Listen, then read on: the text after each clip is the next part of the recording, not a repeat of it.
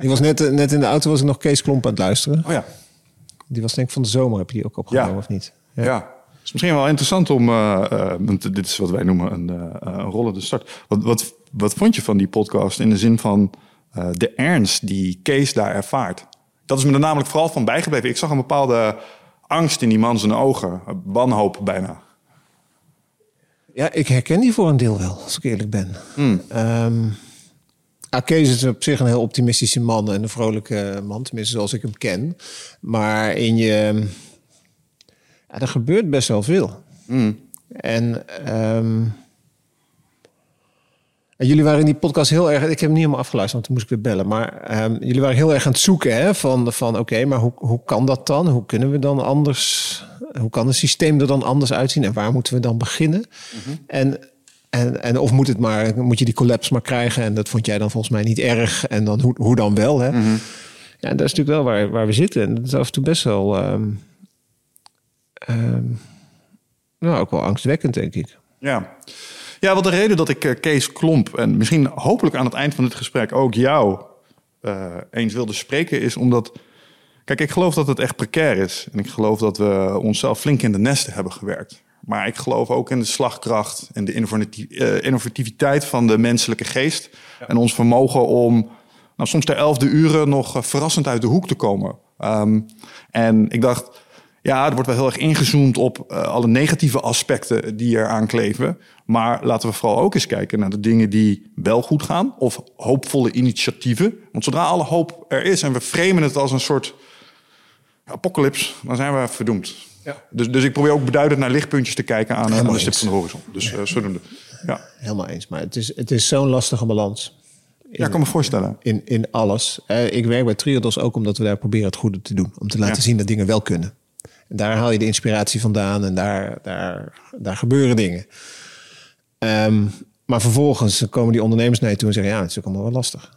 Ja, ja nee, dat- dat 100%. dus dat is, blijft de hele tijd een dilemma. En ook als je, als, als je bezig bent met onderzoek of met of, of de, de- het akkoord van eh, biodiversiteit gisteren. Ben die tekst aan het lezen. Ik denk, wat staat er nou eigenlijk? Ga- gaat, dit, gaat dit nou echt gebeuren? Ja. Nou, er is geen enkel eh, afdwingmechanisme om het, eh, geen enkele implementatieagenda hoe we dingen gaan doen. Ja, Nee. dan word je cynisch. Maar je wil niet cynisch worden. Ja, nou, dat is een van de redenen waarom ik jou ook heb uitgenodigd. Want ik volg jou op onder LinkedIn. Eh, je bent, laten we eens even eh, vertellen aan de mensen die luisteren wie hier eigenlijk eh, zit. Dat is misschien een goed begin. Ehm, tegenover mij zit Hans Tegenman. En jij bent onder andere Chief Economist bij de Triodos Bank. Group Director of Impact and Economics. Maar ook columnist bij het Financieel Dagblad. En wat ik zo tof vind aan jou, is dat jij ehm, geen blad voor de mond neemt. Als het gaat om allerlei eh ogenschijnlijk goed bedoelde initiatieven. Maar daar prik je gewoon doorheen. Zo van, ja, leuk dat, net zoals je nu doet. Le- Leuk dat eh, 30% van de wereld beschermen, tof. Maar hoe gaan we het afdwingen? Dus leuk dat we het zeggen, maar hoe gaan we het doen? En daar ben je zeer kritisch op. Dus dat was voor mij ook een reden om eens met jou te praten. Want je zit op een positie dat je er wel degelijk invloed op hebt. Denk ik. Eh, Hoop Tenminste, ik. vanuit ja, Ja. Is, is de hoop. dus, dus vandaar. Ehm, maar laten we beginnen bij eh, de Triodos. Want dat lijkt me ook een organisatie waar je niet zomaar voor gaat werken. Dus je had, je had waarschijnlijk een behoefte om hier iets in te doen. Waar kwam dat vandaan? Ja, nou, dat, dat is de weg die ik zelf heb afgelegd. Ehm, ik ben een econoom ben altijd, eh, en ik wilde eigenlijk ook altijd wel de wereld een beetje veranderen. Mijn eerste baan was bij de, bij de vakbond. Ehm, en toen eh, op de stafafdeling. Maar eh, op dat moment, ik was 25 en dan ga je aan vakbondsleden uitleggen ehm, hoe hun eh, nieuwe CEO in elkaar eh, zit. En het, het ging over de afschaffing van het prepensioen of zo. En die mensen die wilden alleen maar weten wat het voor hen betekende. 50 plus garantieregeling. Oké, nou, bier voor ons. Ehm, dus ik kwam erachter dat de vakbond eigenlijk best wel conservatief is. In de zin, daar ga je die wereld niet mee veranderen. Daar ga je belangen behartigen, wat natuurlijk ook een vakbond is. En toen ben ik bij het Centraal Planbureau gaan werken. Daarna bij, eh, bij Rabo. Eh, altijd prettig en leuk gewerkt. Maar op een gegeven moment denk je wel, zeker... Een financiële crisis is er denk ik ook wel een kantelpunt in. Ik werkte bij Rabo en ik moest van een heleboel mensen het verhaal gaan vertellen over... dit is de zwaarste crisis sinds de jaren 30. En die mensen zaten mij zo aan te kijken. Van, ja, oké, Interessant, maar wat gebeurt er met eh, de aandelenkoersen en eh, met de huisprijzen en eh, met de rente? En ik denk, ja, maar dit, dit, dit gaat gewoon nergens. Dus die mensen verwachten van mij dat ik daar alleen maar duiding aan geef. En ze zijn alleen maar aan het kijken naar hun eigen belangen. Niet naar die werklozen die er rondlopen of de crisis is. Het interesseert niks. Ik denk, ja, maar dit, dit, dit klopt niet. En nou ja, dat duurde een aantal jaren. En ik, ik ging steeds meer kijken naar steeds meer lezen ook waar economie nou eigenlijk over zou moeten gaan. Wat je eigenlijk zou moeten doen. En ondertussen moest ik elk kwartaal nog de kwartaalcijfers over economische groei. En moest mijn team dan gaan vertellen wat we ervan vonden. En ik dacht, ja, het gaat echt helemaal nergens over. Nou, dan is het tijd om weg te gaan. Toen kwam Triodos langs. Ehm, om daar vanuit waarden, want dat is wat Triodos doet, vanuit je eigen waarden. Dus, dus eh, je begint normatief, je hebt een wereldbeeld. En vanuit daar te handelen en de- vanuit daar proberen dingen anders te doen. En dingen duurzamer te doen. En dat vond ik een eh, hele, het is inmiddels al vijf jaar geleden, eh, bijna zes jaar geleden, een eh, mooie uitdaging. Ehm, en ook nog wel weer lastig, want het is ook wel anders denken af en toe. In welk opzicht? Nou, bij een, bij een gewone bank, zou ik maar zeggen, ehm, dan laat je je waarden eigenlijk thuis. En dan begin je te zeggen van, eh, als je, ik, ik ging toen, ik had nog nooit iets gedaan met aandelen, maar ik kreeg aandelenanalisten onder me. En eh, nou, die, die hebben gewoon een waarderingsmodel van een aandeel. En eh, ja, ook daar, daar, daar, daar, zit geen, daar zitten geen waarden in. Shots fired. En, dat, en, en als je dat er wel en heel expliciet in wil brengen van oké, maar wat vinden we nou zelf? Ja, dat is heel anders. Wat, eh, hoe wil je, hè, wat, wat we bij Triodos zeggen van ehm, eh, de veranderkracht van geld is heel belangrijk. Dus je wil heel en, en het bewuste gebruik van geld, de conscious use of money is daar cruciaal in. Je wil alles wat je doet, wil je nadenken, wat gaat dit geld doen? Nou, dat is in de financiële sector echt heel raar. Want het, het gaat over risk-return, normaal gesproken. En eh, ja, oké, en doe een beetje, maak een beetje productjes die wat duurzaam zijn. Nee, bij Triodos gaat het erom van de, de, de, het bewuste gebruik van geld om ervoor te zorgen dat, eh, dat het de wereld vooruit helpt. Wat gewoon anders. En daar moest ik heel erg aan wennen. Ik denk, oh, dit is echt dit is anders. Ja, in jouw eh, ervaring als econoom. Wat is de belangrijkste psychologische reden dat onze economie in elkaar zit zoals hij in elkaar zit, denk jij? En daarmee bedoel ik, waarom worden die normen en waarden eh, secundair gemaakt aan winst?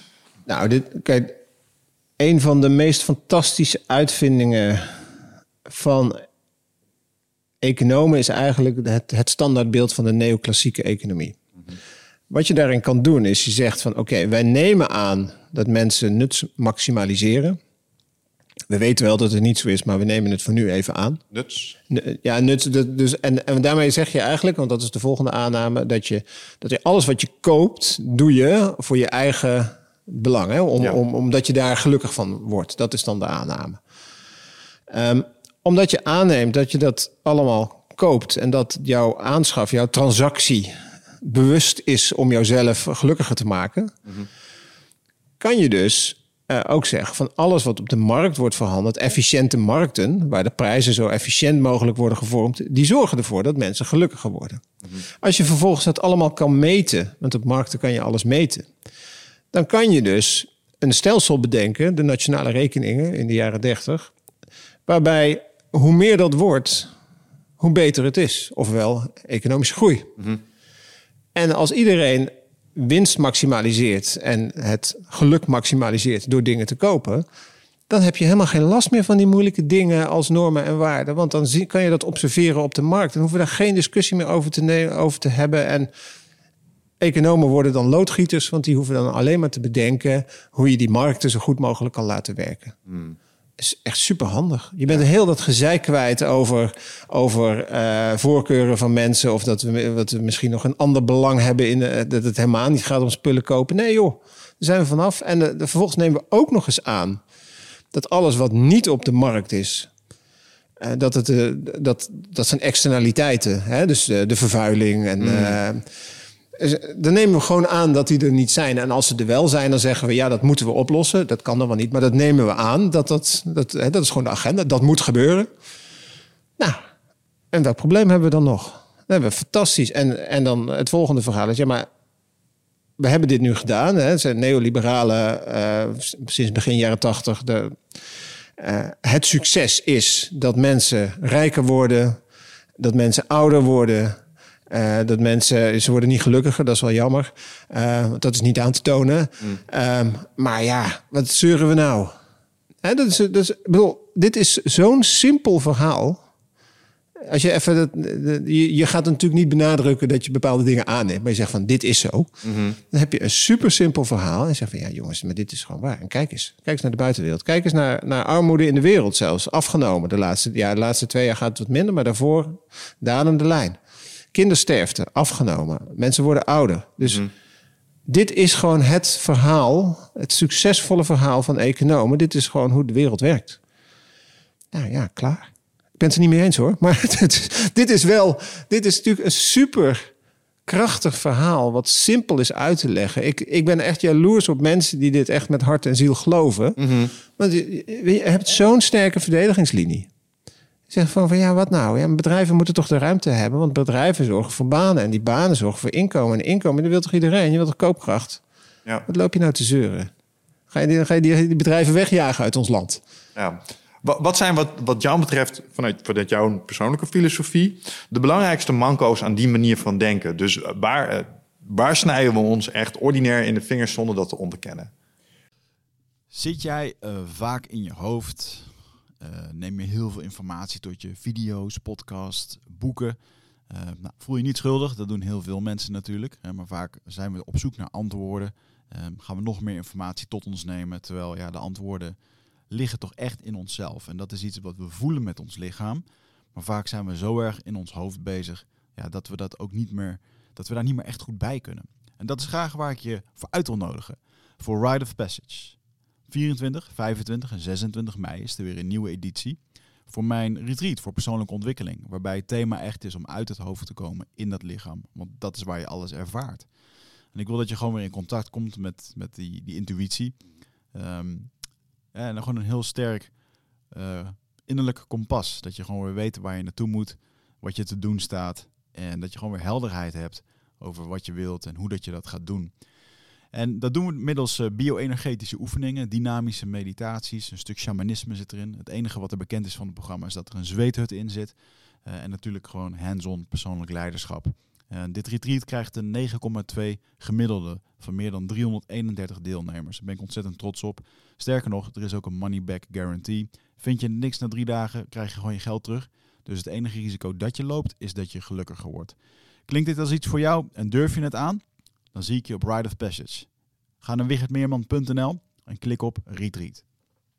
Nou, het is, het is kerst en ik, toevallig mijn column van morgen gaat, gaat daarover. Hè? Kijk, e economen die zeggen, dit is, dit is, een heel klein voorbeeld. Economen die zeggen van uh, kerstcadeautjes geven is eigenlijk inefficiënt. Want ik, stel, ik geef jou een cadeautje. Nou, we kennen elkaar niet. Ik geef je een cadeautje, dus ik weet totaal niet wat jij wil hebben. En dat geldt zelfs voor naasten en vrienden. Je weet mm. nooit precies, misschien de verkeerde kleur sjaal of wat dan ook. Dus kerstcadeautjes is inefficiënt. Gegeven dat die markt alles, uh, alles regelt. Mm. Dus eigenlijk zeggen economen, ja, cadeautjes geven moet je niet doen. Dat een deadweight los, heb je gewoon, gewoon welvaartsverlies doordat dit inefficiënt is. En dus, daar gaat het voor. De, en iedereen voelt aan dat de wereld anders in elkaar zit. Mm. Nou, daar begint al die eerste aanname. Um, het gaat dus niet zozeer over platte nutsmaximalisatie. Dat jij iets krijgt en dat je daar de monetaire waarde van gaat berekenen. van hoeveel het is. En dat je dan gaat denken: oh, nou, hier heb ik wel wat aan. Mm. Nee, het gaat over de intentie. Dus in plaats van dat het utilitaristisch is, dat het alleen gaat over nut, over de consequentie van je daad, mm -hmm.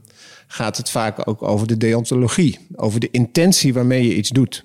Ja. Dit past niet bij economen. Ja, ik vind dat altijd interessant, want het is zo eendimensionaal. Ik vraag me altijd af hoe verklaren zulke uh, economen dan uh, dingen die duidelijk geld kosten, maar geen enkel nut hebben. Je, je kunt dingen met je centjes doen die eigenlijk geen enkel nut hebben. Dus ja, maar dan, dat, dat is, dat is de, de ultieme utilitaristische veronderstelling. Van, dan kan je, we hadden met mijn studievrienden, is, lang geleden, hadden wij discussies over. De, hij zei van ja, ik bestel een frikandel, maar eigenlijk wil ik een kroket.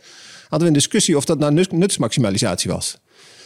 Ja, en als je utilitaristisch kijkt, dan zeg je van ja, maar blijkbaar, je hebt toch die frikandel besteld, dus blijkbaar vond je dat nodig. Mhm. En dat is het hetzelfde met al die nutteloze dingen doen. Economen zeggen van ja, maar dit is de markt. Hè? Dus dit, dit, dit is toch nutsmaximalisatie. Ook al is het nutteloos. Blijkbaar vindt diegene. Want dat kunnen wij niet beoordelen. Het enige wat wij kunnen observeren is die transactie. En dat is wat geldt. Dat het verder volstrekt nutteloos is en, en nog zoiets. Dat het verder volstrekt niet wordt gebruikt misschien. Want dat is een van de, van de kernproblemen, die een ander kernprobleem wat je hebt. Dat is die markten. Dus je hebt het idee van eh, transacties zijn heilig, omdat je daarin kan aflezen of iemand gelukkig wordt. Volgende a- aanname is, om die markten te laten werken, heb je privaat eigendom nodig. Heb je strikt privaat eigendom nodig, want dan kan je het makkelijk verhandelen. Dat levert meteen een probleem op. Want als je strikt privaat eigendom... en we gaan daar best wel ver in, in, eh, ook in Nederland... Ehm, vervolgens ben jij degene alleen maar die, die beslist of je dat gebruikt. En wij weten, als je kijkt naar auto's, boormachines en wat dan ook... dat het, het gebruikspercentage vrij laag ligt. Ja. Wat Maar- zeggen ze in Amerika ook alweer? Property is 9 tenth of the law. Ja, Dus wa- wat bezit is van wie, dat, dat is heel belangrijk in de wet. Ja, ja. maar dat, dat is, en dat is ook in de economische theorie is dat, is dat, is dat een kernaanname. Maar die gaat zo in tegen wat je zou, eh, wat je ook in de historie hebt gezien, hoe mensen samenleven. Dat we dat niet eens meer, we zien het vaak niet eens meer. Dat het eigenlijk heel raar is. Dat we alles zelf willen hebben. Eh, de- ook, ik ben de laatste tijd wel mee bezig. Als je, de toekomst van mobiliteit is natuurlijk nooit een elektrische auto. De, kom- de toekomst van mobiliteit moet zijn delen. Dus dat gaat, maar, maar omdat wij aan het private eigendom zo gehecht zijn, is een eerste, instap, eerste stap wellicht een, een elektrische auto. Maar dat is nooit de laatste stap, want het is volkomen inefficiënt. Dus, dus dit is een van de, van de grote problemen. En een ander, er zijn er meer hoor, maar een ander groot probleem, en daar raakte ik al even aan, is het feit dat we aannemen dat die markten goed werken. Maar die werken natuurlijk helemaal niet goed. We hebben machtsposities van grote bedrijven die ervoor zorgen dat we allemaal spullen krijgen die we misschien niet eens willen of die te duur zijn, waardoor eh, ongelijkheid alleen maar toeneemt. We hebben die externaliteiten, dus dingen die niet beprijsd worden op de markten, maar die wel degelijk onze, onze samenleving vernietigen. Eh, waar geen oplossing voor komt, of maar heel schortvoetend. Ehm, en we hebben ook markten die, niet, die helemaal niet tot stand komen. Van dingen die wij best wel zouden willen hebben als mensen.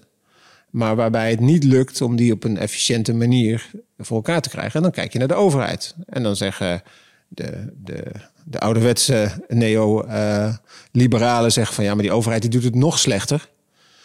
Want die is volkomen inefficiënt. Dus je kan beter een inefficiënte markt hebben dan een inefficiënte overheid waar geen enkel bewijs voor is. Maar ja, zo zorgen er wel voor dat misschien een deel van die welvaart die je zou kunnen krijgen door het op een andere manier te produceren. Dus door of de overheid dingen te laten doen, maar daartussen ligt dingen gewoon ouderwets samen doen, sa- samenwerken en zo. Dat daar geen ruimte meer voor is, omdat die marktwerking en dat idee van de markt lost het op, de rest gewoon helemaal verd- verdrongen heeft. Ja, als ik daar zo, als ik je dat hoor zeggen, dan denk ik bijna, dan moet ik aan een pendule denken. Zo van, we zijn van een zeer eh samenhorige samenleving met veel, eh, ja, heel communaal, zeg maar, zijn we naar iets wat heel individualistisch is gegaan. Nou zitten we daar een beetje aan het uiteinde van het spectrum. Ik vraag me af of het nog individualistisch zou kunnen als dat het nu is. Ik, ik twijfel daaraan. Maar als, zoals die principes werken, zou het maar zo kunnen zijn dat hij nu ook weer een klein beetje op zijn terugweg begint te raken. Want dat is een van de vragen die ik aan jou heb. Kijk, ik heb even gekeken, wat doet een eh, chief economist nou eigenlijk? Uh, ja, trendanalyse.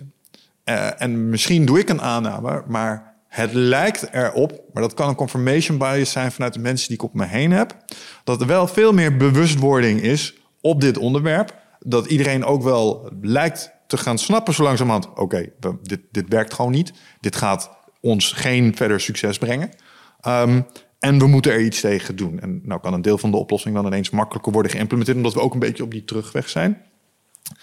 Mijn vraag aan jou als uh, onder andere trendanalist, klopt dat? Ja, of ik nou trendanalist ben, dat weet ik niet. Ik, uh, ik interpreteer het meer zo. Ik probeer, ik kijk naar, ik probeer de wereld een beetje te snappen. Mm -hmm. Ja, dat is misschien trendanalyse. Um, maar ik ben heel terughoudend in de zin dat ik denk dat ik iets zou kunnen voorspellen. Mm -hmm.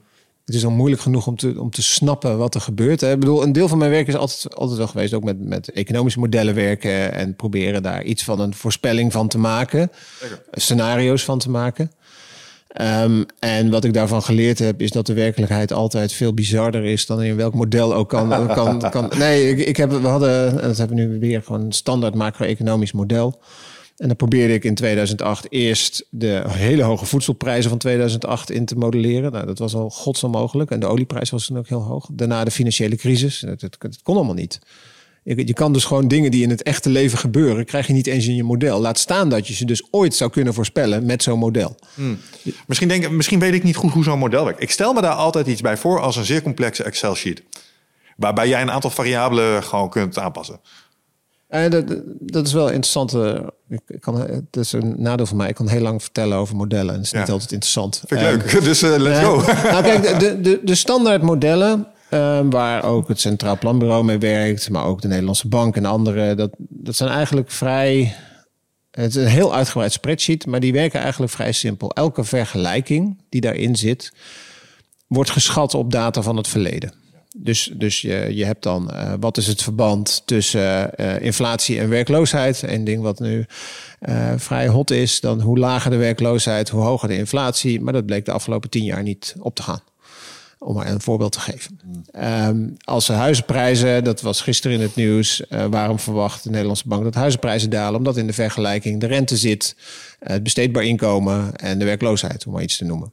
Nou, die rente is fors omhoog gegaan en met de vertraging werkt dat door in de huizenprijs. Nou, dan zegt DNB op basis van hun model, de huizenprijzen dalen met 6%. Nou, als ik dat lees, denk ik van nou, dat komt wel uit je model, maar in de, de prijsvorming die werkt niet lineair, want hun modellen zijn, zijn lineair. En het zou dus heel goed kunnen dat er altijd een overshoot is. Die je niet kan. Dat hebben we in, uh, in de financiële crisis. Ging het heel lang goed met de huizenmarkt, of relatief goed. Bleef relatief, en op een gegeven moment zakt die onderuit. Dus er zitten allemaal niet lineaire effecten in, die niet helemaal te voorspellen zijn.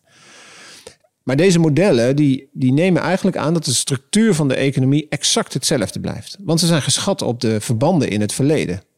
Dus je kan dan niet zeggen van hé, hey, het gaat opeens anders werken, want dat zit er niet in. En dat, dus dat moet je eigenlijk exogeen, dus moet je van buitenaf opleggen aan zo'n model dat het anders gaat. Mm -hmm. Er is ook nog een hele andere groep van modellen die minder serieus wordt genomen door, door economen. En dat zijn de systeemdynamica modellen. Mm -hmm. Zeg maar, dat begon met de Club van Rome, MIT, uh, mensen die daar het eerste World 3 model hadden gemaakt, ja. systeemdynamica. Dus niet lineaire modellen die ook kunnen divergeren, die dus ook geen evenwicht hebben. Want het kenmerk van die economische modellen is dat je gewoon mooi op één evenwichtje uitkomt. Ja. Uh, deze modellen kennen soms geen evenwicht of de verschillende evenwichten. Um, en zijn vooral zijn ook niet geschikt om één voorspelling te maken, maar wel om verschillende scenario's van what if. Even voor, voor, mijn, voor mijn eigen begrip, wat is een evenwicht in een model? Uh, eigenlijk wat, wat economen uh, zeggen, um, een evenwicht in een model is de plek waar vraag en aanbod bij elkaar komen. En waarbij je ook uh, in macro-economische termen je volledige productiecapaciteit gebruikt. Juist. Um, en dat is de.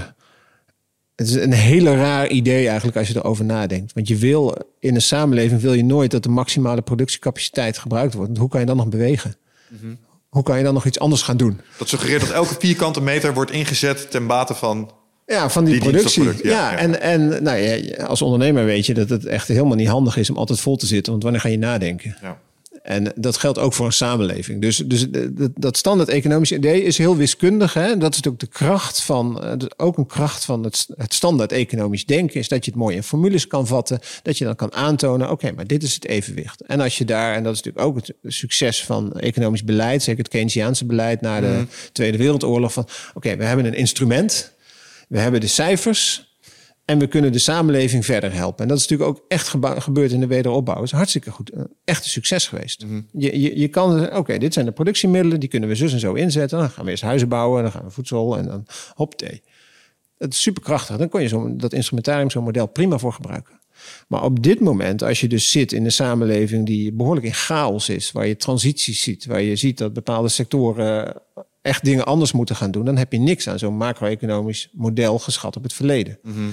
Dus dan zou je veel meer bezig willen zijn met, uh, met die systeemdynamica, met die niet-lineaire effecten, uh, maar ook met een model, want dat zit in die standaardmodellen ook niet, in een model waar je ecosysteem in zit. Mm -hmm. Waar je kan laten zien, oké, okay, maar als we nou grenzen hebben, wat gebeurt er dan? Hoe kunnen we optimaliseren binnen die grenzen van de aarde bijvoorbeeld? Ja, dus als we die biodiversiteitsafspraak uh, zouden hanteren, zouden we die 1 eigenlijk op 0,7 moeten gaan zetten. En wat, wat gebeurt er dan in het model, ja. is wat je zegt. Ja, ja. en dat... Um, en dat kunnen we nu dus simpelweg gewoon niet. Omdat het niet in die, in die standaardmodellen zit. En het is ook zelfs de vraag of je dat ooit gaat krijgen in dat soort modellen. Ja, maar ben ik dan naïef om te denken van... oké, leuk dat zo'n model er is... maar zo'n model is blijkbaar een, uh, een Excel-sheet gebruikt door specialisten. Er zijn specialisten zoals jij die ermee werken. Wat leidt jou om die variabelen toe te voegen aan je eigen model... en daarmee te gaan werken? Ja, dat kan wel. Uh, maar het wordt al heel snel zo complex. Ja. Uh, en zeker als het gaat over biodiversiteit. Hè, bedoel, uh, gewoon alles wat natuur is. Ja, meet het maar eens. Nou, dat, en, dat, dat had um, Das Gupta, een, een econoom, Britse econoom, die had daar vorig, het vorig jaar de zogenaamde Das Gupta Review, 600 pagina's over de economics of biodiversity. En wat hij deed, en dat vond ik wel heel mooi hij liet dus zien van als je een aantal aannames, standaard aannames in dat economische denken, een klein beetje verandert, je brengt de natuur in. Dan zie je opeens dat het idee van oneindige groei, wat veel economen nog steeds hebben, van ja, dat moet toch kunnen, dat het opeens niet meer past. Hij had maar één ding gedaan eigenlijk. Hij had uh, economen en de, de kern van een economisch model is de productiefunctie. En de productiefunctie bestaat in veel modellen uit hoeveel kapitaal hebben we, hoeveel arbeid hebben we en hoe slim gaan we daarmee om. Mm -hmm. Dus de technologie. Ja. En de vooruitgang is dan de toename van de technologie. En hoe meer mensen en hoe meer kapitaal. Om het helemaal heel simpel te houden. Hij had daar natuur aan toegevoegd. Maar hij had, daar ook, hij had er niet alleen natuur aan toegevoegd. Maar hij had er ook uh, hij deed het op twee manieren. Als productiefactor. Dus hoeveel energie en, uh, en, en bomen en zo hebben we nodig om dingen te produceren. Maar ook hoeveel natuur hebben we sowieso nodig om een samenleving te hebben. En dat had hij geïnteresseerd met een ondergrens. Want op het moment dat, en dan heel simpel, als het onder de ondergrens komt, dan stort het allemaal in. Mm -hmm. Nou, als je die restrictie oplegt, dan zie je ook allemaal vrij simpel van oké, maar er zit dus ook een grens aan hoeveel je kan produceren. En alleen maar dat sim. Of je moet heel veel. En dan kan je nog steeds door technologische vooruitgang en andere dingen. kan je nog steeds hartstikke groeien op dat macroniveau. Mm Maar dat, dat vraagt dan wel veel meer. Mm -hmm. Dat wordt veel ingewikkelder. En dat is volgens mij precies waar we in zitten. En dat is ook precies de discussie die economen hebben. Die, die laten dat, doen dat niet. Hè. Die veronderstellen eigenlijk dat, dat je eigenlijk alles in geld kan veranderen. Dus dat je ook natuur in geld kan veranderen. En als je maar genoeg geld hebt, dan is het niet erg als er geen natuur meer is. Want je kan het uh, oneindige substitutie. Dat is wat in de economische ja. modellen gebeurt. Nou, als je dat loslaat, dan krijg je een ander beeld. Dan denk je, oh ja, nee, maar er zit toch wel echt een grens aan. Dat, ja. ja. maar zeg maar mensen die met dergelijke modellen werken, die snappen toch ook wel dat als natuur is nul, dan leven is nul en dus geld waardeloos. Ja, en we zeggen gewoon, ja, maar eerst gaat die prijs omhoog, dan krijg je substitutie en dan hebben we technologische vooruitgang en dan hebben we geen probleem. Dit, dit is echt. Want technologische vooruitgang lost het probleem op dat er geen zuurstof meer in de atmosfeer zit. Straks. Ja, nee, maar goed, maar dat ja, nee, inderdaad. Eigenlijk, ja, nou, ik, ik, wil nog een pleidooi houden voor die economen die dit bedacht hebben. Want op het moment, en dat zegt uh, Herman Daly, die is pas over, over, overleden. Dat is een uh, ecologisch econoom die dat heel erg samen aan het voegen was. Die, die heeft het altijd, altijd over de, de economics of the empty world versus de economics of the full world. En veel van die economische modellen, die zijn natuurlijk bedacht in het moment dat er echt nog maar 2 miljard of minder mensen op deze aarde waren. Dus we hadden een lege wereld. Dus die veronderstellingen waren op zich helemaal niet zo raar. Want je had helemaal geen last van dat het alles vol was. En nu we die economics of the full world hebben, moeten we daar veel bewuster over nadenken. En dat is, dat is al 50 jaar zo hoor. Maar dat is nog steeds niet doorgedrongen ja. tot de mainstream economie. Nou, maar, ik was, ik ging daar op twee gedachten. Want aan de ene kant denk ik, ja, uh, als uh, mensenmaatschap, zeg maar, als je kijkt naar de rijke westerse wereld, nou, misschien kunnen we constateren dat we daar bijna op post-scarcity zitten. Dus uh, moet de economie wel noodzakelijk elk jaar 10% Of kunnen we gewoon tevreden zijn met het feit dat, dat het is zoals het is nu? Kijk, als je in Pakistan woont, snap ik dat je nog een paar stappen te maken hebt met elkaar. Dus misschien kunnen we zeggen, oké, welvaartsdistributie beter gaan regelen. We hebben gewoon een soort maximale capaciteit. Dan denk ik, ja, die snap ik helemaal. Maar iets, en zeg maar, iets in me fluistert dan ook, het is een beetje een verliezersmentaliteit. Want uh, kijk eens naar, uh, naar boven. Kometen, asteroïdes, andere planetaire lichamen, allemaal binnen handbereik van het menselijk ras. Ja. En dat zou maar zo de planetaire capaciteit uh, kunnen vertien, honderdvoudigen. Dus why stop now? Dat is, dat is ook een filosofie. Ehm, Absoluut. hoe, hoe kijk jij daarnaar? Ja, ik zit hier bijna elke dag in, midden in deze discussie. Ehm, en daar, daar, daar zit nog iets tussen. Hè. Dus, dus, dus helemaal eens van mensen die het, eh, eh, waar ab, absolute armoede is, daar, daar heb je nog echt meer materiële groei nodig. Daar heb je gewoon inkomen nodig. Dat geldt niet voor het, voor het Westen. Maar toch geldt, en dat is een discussie die ik vaak heb, dat een economisch systeem is gebouwd op accumulatie, op steeds meer groei. Als je dat weghaalt, heb je waarschijnlijk een sociaal probleem. Want ons hele stelsel is hè, winstmaximalisering. Nou, ik werk zelf in de financiële sector. Eigenlijk zit je daar ook. Hè, Het toekomstig rendement is wat je gaat financieren, zeg maar. Dus je verwacht daar overal groei. Ehm, overheid, belastinginkomsten om de zorg te betalen zijn gebaseerd op inkomens. En die kunnen alleen maar toenemen als die inkomens toenemen. Dus die inkomens moeten to- toenemen. Omdat die inkomens toenemen, moeten die winsten weer toenemen om die inkomens te kunnen betalen. Juist. Dus er, er zitten allemaal cycli in het standaard economisch proces die, die, die groei dwang betekenen. Eh, dus, en, en dit is wat veel economen zeggen, we kunnen niet zonder groei. En voor, tot hier wil ik hier best in meegaan als je denkt binnen de kaders van waar we nu zitten. Ja. Maar dan wil ik er één ander kader omheen plaatsen en dat zijn onze planetaire grenzen. Ja. Als je vandaar vertrekt en zegt van, oké, we weten het niet, hè? misschien gaan we die, die, die, eh, die, die eh, planetoïden of van, van alles van buiten halen en, en kunnen we daarna echt wel groeien. Maar Gaan dit, doen wat Elon wil, basically. ja, ja. Nou, mi- misschien. Hè? En en daar ben ik ook helemaal niet op tegen. En ik ben ook helemaal niet tegen groei. Maar ik zie één grote beperking en dat zijn die grenzen. Dan zou je toch willen dat je een open gesprek gaat hebben... en een creatief, eh, de creativiteit gaat zoeken van... oké, maar hoe kunnen we het inrichten... dat we ze allemaal zo gelukkig mogelijk zijn... binnen die grenzen van de aarde. Als we dat nou als uitgangsvraag nemen. Dat is een andere vraag die dan eh, zoals het ontstaan is. Maar da- daar zitten we nu. Hè. We, we zien die grenzen. Zeven van de, of zes van de negen zijn we aan het overschrijden. Twee, twee kunnen we niet eens meten. Ehm, dus we, we hebben daar een probleem met z'n allen. We weten dat eh een deel van de wereld eh, mega rijk is. Dat die ook verantwoordelijk is voor het grootste deel van zowel eh, het gebruik van de natuur als eh, van eh, de uitstoot van broeikasgassen, stikstof en, en wat iets meer. is. Laten we daar eens een gesprek mee voeren. met z'n allen. Hoe, hoe, hoe zullen we dat doen, mensen? Moeten we nog steeds meer spullen kopen die we niet nodig hebben?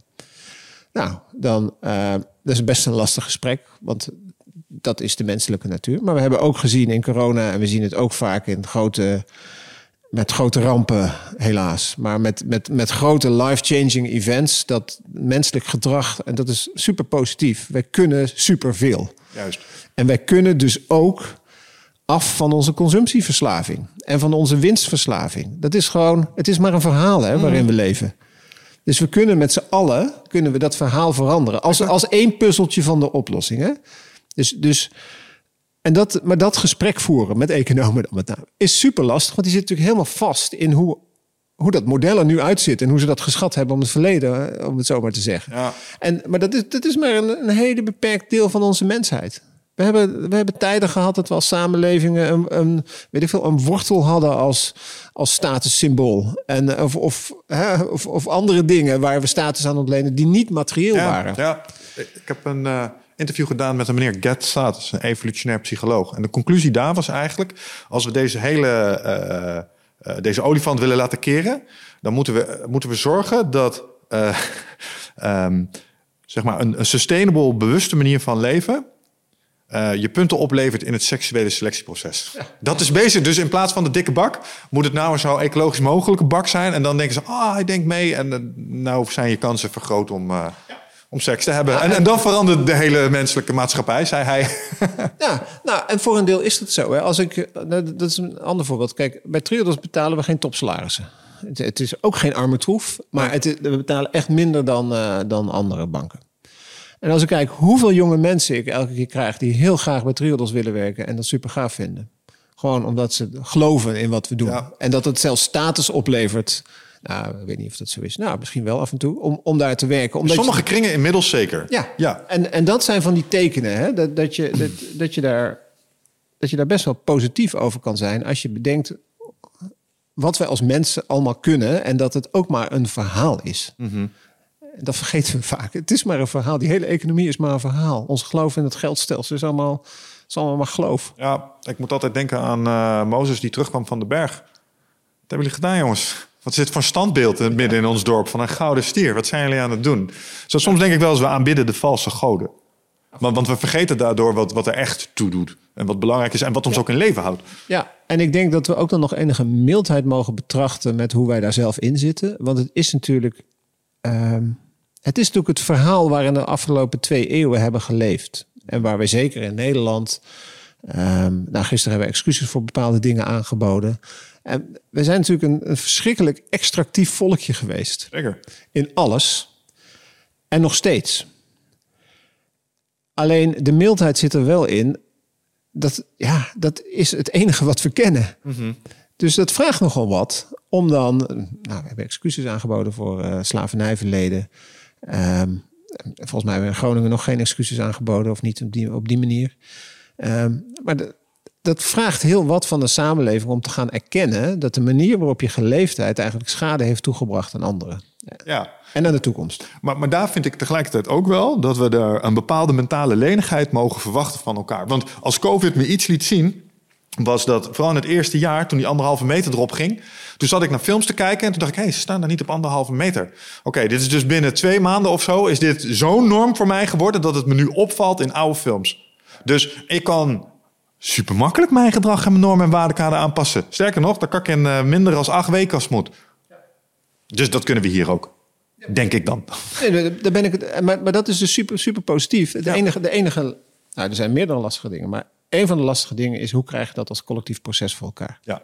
Want dat zagen we ook in corona, dat eerste jaar. Nou, ik, ik herinner me vooral de, zo, de zomer, de eerste maanden zeg maar, van corona. Dat was super mooi.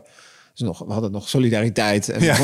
en, het was mooi weer en het was rustig. En iedereen dacht, iedereen ging zijn garage en zijn, en zijn zolder opruimen. En, en, maar dat was nog wel een gevoel van saamhorigheid. Ja. Maar dat duurde niet heel lang. En, en daarna werd de weerstand alleen maar groter. En dan is, dan is de vraag hoe je zo'n proces dan in zo'n transitie kan managen. Dat je wel, je zal nooit iedereen mee kunnen nemen, forget it. Maar dat je wel het grootste deel van de mensheid kan meenemen. Ja, ik, ik moet zeggen dat ik daar wel een stukje van mijn uh, verloren ben. Omdat ik ook wel eens dacht van, oh man, ja, ik kom met Dave de man. Ik weet sommige wijken, als ik daar met de gemiddelde bewoner een gesprek hierover ga voeren, doet we het over. Ja. dat is jouw probleem, weet je wel. Dat denken we hier niet aan. We zijn blij dat we een kratje bier kunnen halen. En we zijn blij als Eagles wint. En uh, dat, is, uh, dat is het, zeg maar. En er ja. zijn een heleboel mensen die zo in het leven staan en hier niet eens over nadenken. Maar toen zei iemand tegen mij, en dat is me altijd bijgebleven. Ja, maar je, je hebt die mensen niet nodig, man. Je hebt maar je, je hebt de 1% nodig die de baas zijn van die mensen. Dus die zeg maar gaan over hoe hun werk eruit ziet, wat er gebeurt op die werkvloer, uh, wat het beleid is als het daar gaat om wat er in de kantine te eten ligt als het gaat om vitaliteit. Dus en, en daar zie ik wel um, steeds meer mensen, ook in deze podcast, zoals een Kees Klomp en zo, um, eindelijk gehoor krijgen. Dus het wordt nu meer geluisterd als eerst. Nou, ab absoluut. Dat, dat geldt ook voor mezelf. Denk ik dat ik een, een column heb in het Financiële Dagblad. En daar toch alles mag zeggen wat ik. Uh, ja, is dat zo? Wat, ja, nee. Geen regie? Nee. Oh, fijn. Nee, nee. Anders zou ik het ook niet doen. Nee. Um, nee, en, en kijk, dit, dit zijn de kantelpunten waar het om gaat. Hè. We hebben die ecologische kantelpunten die best wel afschrikwekkend zijn... en waar we ons zorgen over maken. Maar we hebben die sociale kantelpunten die juist weer kracht kunnen geven. Hè, precies wat je zegt. We hebben, we hebben maar een klein deel, het onderzoek... 25% van, van de bevolking nodig om echt een, een een verandering in gang te krijgen. Ja. Het is wel een beetje hoe je kijkt, ook in welk onderzoek moet ik zeggen, want soms is het ook wel weer meer. Zeker. Maar, je, maar je, je hebt niet iedereen nodig om de verandering te laten, te laten slagen. Ja.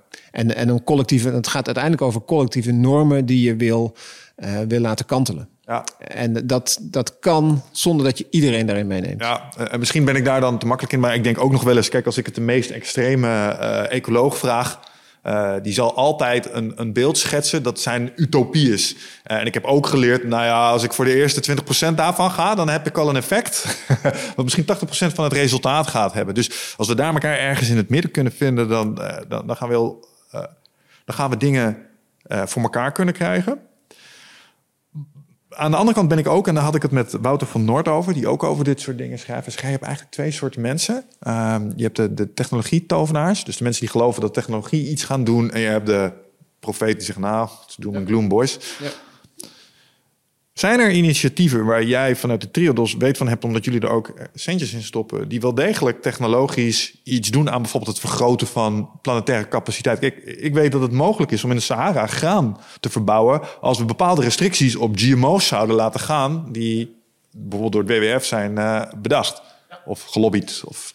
Ja, nou, de, die niet. Ik zat toevallig net nog in een gesprek over onze positie op genetic engineering, omdat we daar natuurlijk heel strikt op zijn. Want, uh, Jullie vinden dat, dat het niet kan? Ja, we vinden wel onder bepaalde voorwaarden dat het wel kan. maar als je niet de consequenties weet van als je iets gaat aanpassen, en dat is vaak nog zo, ja. dan is het wel een, een, een, een risico. Ja. Maar dan, de, de, ik, ik, ik zit in dat soort dingen vrij praktisch. Hè? Dat is niet het trio standpunt. Um, ik denk dat je op een moment zit dat je veel meer moet nadenken over hoe kan technologie dan in ieder geval de grootste problemen uh, een antwoord geven zonder dat je precies weet waar je uitkomt. Want anders wordt het misschien ja, en, uh, ik dus, denk, maar dat is mijn persoonlijke mening. Dus daar, daar uh, ja. Ik denk dan ook wel eens van ja, is leuk dat je dat zegt, want we weten niet wat die gemuteerde versies dan in het ecosysteem doen. Maar als dat betekent dat we wel twintig jaar hier een groep mensen kunnen eten geven die nu doodgaan van de honger, ja. wat doe je? Ja. Nee, ik, ik ben daarin uh, wat minder ideologisch en wat praktischer. Ja, nee, ja, nou, nee maar dat, is ja. mijn persoonlijke positie. Um, wij hebben genoeg klanten die, dat, die, die er juist wel heel ideologisch in zitten. En die daar wel heel strikt in zitten. En daar, uh, ja, daar maken we ook onze producten voor. Hè? Ja. Dat, dat is een beetje overal waar je zit. Kijk, Triodos kan dingen doen bij de gratie van wat klanten ons gunnen. Ja. Um, en dat is heel mooi.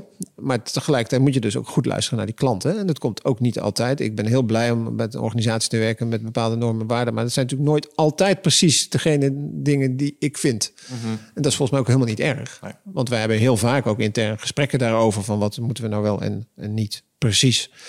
Maar terug naar jouw vraag. Um, ja, ook wij zijn bezig met allerlei initiatieven um, om um, rewilding, zoals we dat dan noemen. Hè? Dus het terugbrengen van natuur, het, uh, het, het, terugbrengen van of, of andere systemen, zodat je, nou, is natuurlijk al heel lang bezig met biologische landbouw, met uh, dat soort dingen, hè? om het anders te doen. Dat is eigenlijk ook het enige wat we doen daar. Um, en dat is wel een beetje, maar dat is wel een beetje het Traders verhaal, waar ik zelf wel heel erg in geloof. Kijk, ik snap donders goed dat we nog bijvoorbeeld fossiele brandstoffen op dit moment nodig hebben, zoals de economie erbij staat. Maar ik vind het niet aan ons om daarin te gaan investeren of beleggen. Want wij hebben totaal geen invloed op die grote uh, bedrijven om ook maar een heel klein beetje te verschuiven. Investeren jullie in kernfusie? Nee, nee, dat, nee maar dat, dat, dat, is dan, kijk, dat is de andere kant. Wat ik heel graag zou willen en wat we te weinig doen, en ik ga er natuurlijk zeker niet uh, uh, alleen over. Ik zou juist veel meer in deep tech en dat soort dingen willen investeren als, als duurzaamheidsoplossing. Maar dat, diep tech? Ja, dat is echt, echt van die hele diep technologische, dus, dus, dus ja, hoe noem je dat nou? Hele specifieke oplossingen. Hele specifieke ja, technologische ja. oplossingen voor problemen. Die is bijvoorbeeld de TU Eindhoven, Delft en daar zijn ze met dat soort dingen. Maar en fusie valt daaronder voor jou? Ja, die zal in een iets verder stadium. Ja, okay. nog, ja, daar is heel veel geld voor nodig. En, maar, maar meer van die venture capital-achtige dingen, daar zou ik, daar, dat is ook duurzaamheid. Uh, om daarbij te zitten en dan ook met onder de goede voorwaarden, want het maakt ook best wel bij start-ups ook best wel uit van hoe zet je je bedrijf op ja. en, en doe je dat op een duurzame manier en denk je überhaupt na waar je al die materialen vandaan haalt. Mm. Het is best wel handig als je dat in het begin al doet. Dus uh, dat vind ik nog wel een terrein, daar doen we eigenlijk veel te weinig in. Maar, maar daar zitten de oplossingen hè, aan de positieve kant. Ja. Um, met natuur, hè, dus het gaat nu een heleboel in de financiële sector over nature-based solutions. Hè? Dus van hoe kan je. Maar dat heeft een andere reden. Dus dat iedereen heeft nu beloofd dat de uitstoot van broeikasgassen naar netto nul gaat. Dus iedereen is bezig met die netto, zeg maar. Ja. En dat, de, ik weet niet of ik dat allemaal goed vind.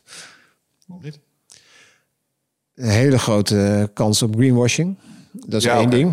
En een andere. En, en dat je dus niet inspanning levert die je eigenlijk zou moeten doen. Dan ga je klant dus gewoon helpen om op, uh, op nul uit te komen. Dus niet netto nul. Probeer samen te bedenken. Ga, ga die technologieën financieren. Zodat je aan die kant heel hard gaat werken.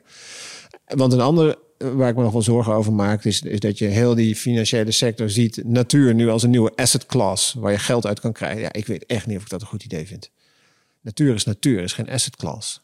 Het gaat niet om het rendement van natuur. Nee, het rendement van natuur is dat wij gewoon kunnen leven. Ja, en daar maak ik mij heel veel zorgen over. Aan de andere kant, als we het toch eens voor elkaar konden krijgen om dat een hooggewaardeerde asset te krijgen, dan zouden we in het huidige model wel snelle stappen kunnen maken. Zegt de pragmatist in mij dan. Ja, nou, ik, ik- eens. Ik loop daar ook in, in, te, in te, weet ik het ook altijd niet. Precies. Nee, maar het- maar ik, maak me daar, ik maak me vooral zorgen op de manier en de massaliteit waarmee dat gebeurt. Ja. En, en dat, dat vind ik wel zorgwekkend. En waar het de deur weer voor opent. Want, want dat zal weer mensen aantrekken eh, met een bepaald eh, karakterprofiel... waar winstoogmerken weer in zitten. En dan ga je weer allerlei ongelukkige keuzes krijgen... die een ecoloog en iemand met een ware passie voor het stukje grond niet had gemaakt. Nee, want dat is precies het probleem. Ja. Want, want eh, de natuurherstel kost ook gewoon geld. En je moet dat eh, met liefde en zorg doen.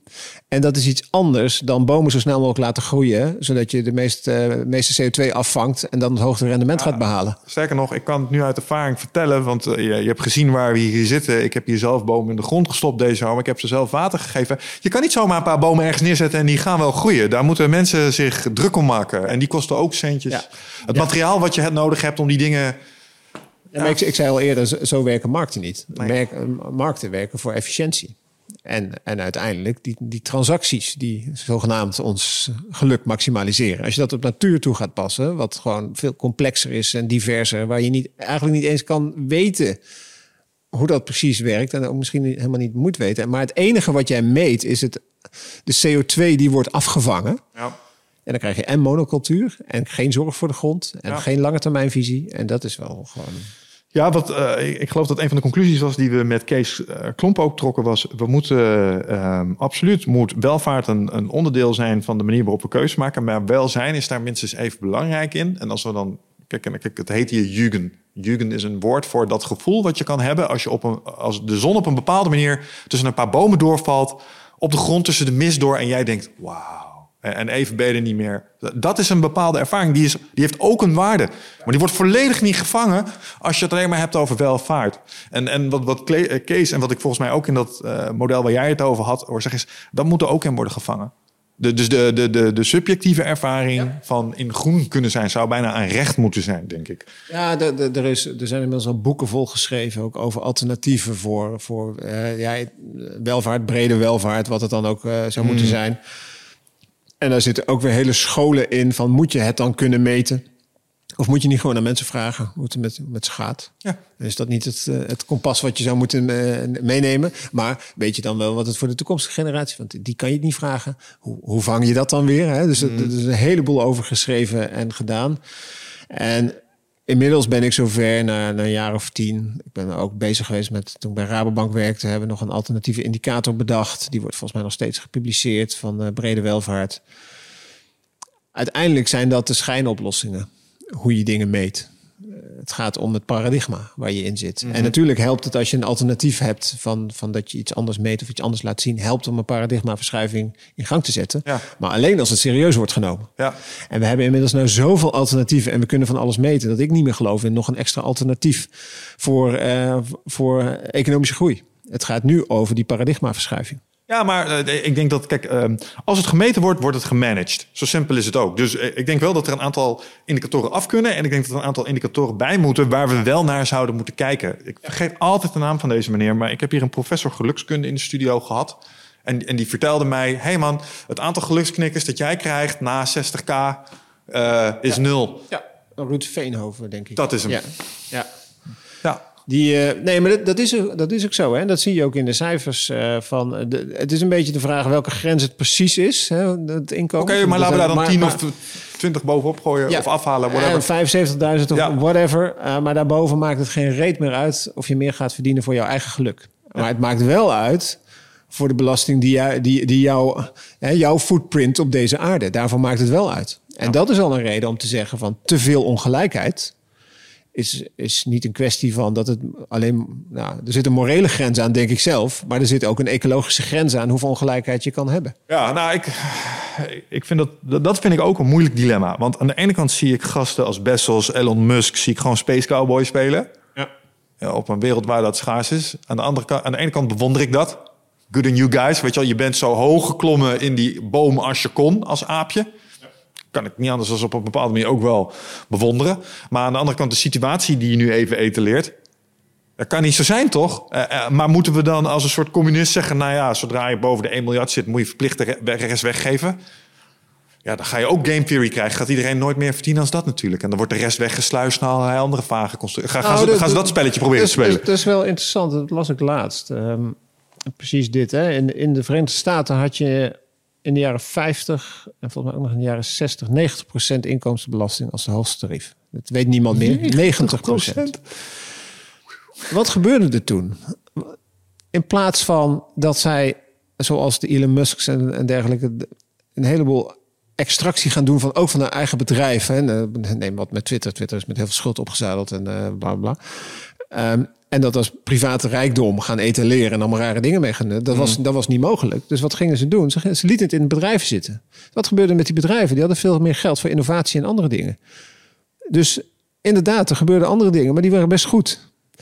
Ja, oké. Dus, dus eh, ja, het werd niet weggesluist alsnog via de achterdeur, via mallen, via de constructies. De waarde bleef binnen de organisatie, die daarvoor meer slagvaardigheid had, duurzamer kon opereren. Nee, maar dat, dat, dat, dat, dat, dat- ik, las, ik las vorige week dat onderzoek, juist, juist hierover. Ehm, en iets anders wat jij zegt, is natuurlijk ook wel ehm, ons moreel kompas op dit moment. Dat wij zeggen van, ja, maar... Kijk, Jij zegt, ja, moeten we dan eh, communist, eh, communistisch worden... en boven 1 miljard iedereen alles afpakken? Je kan ook zeggen van, ja, maar het is volslagen belachelijk...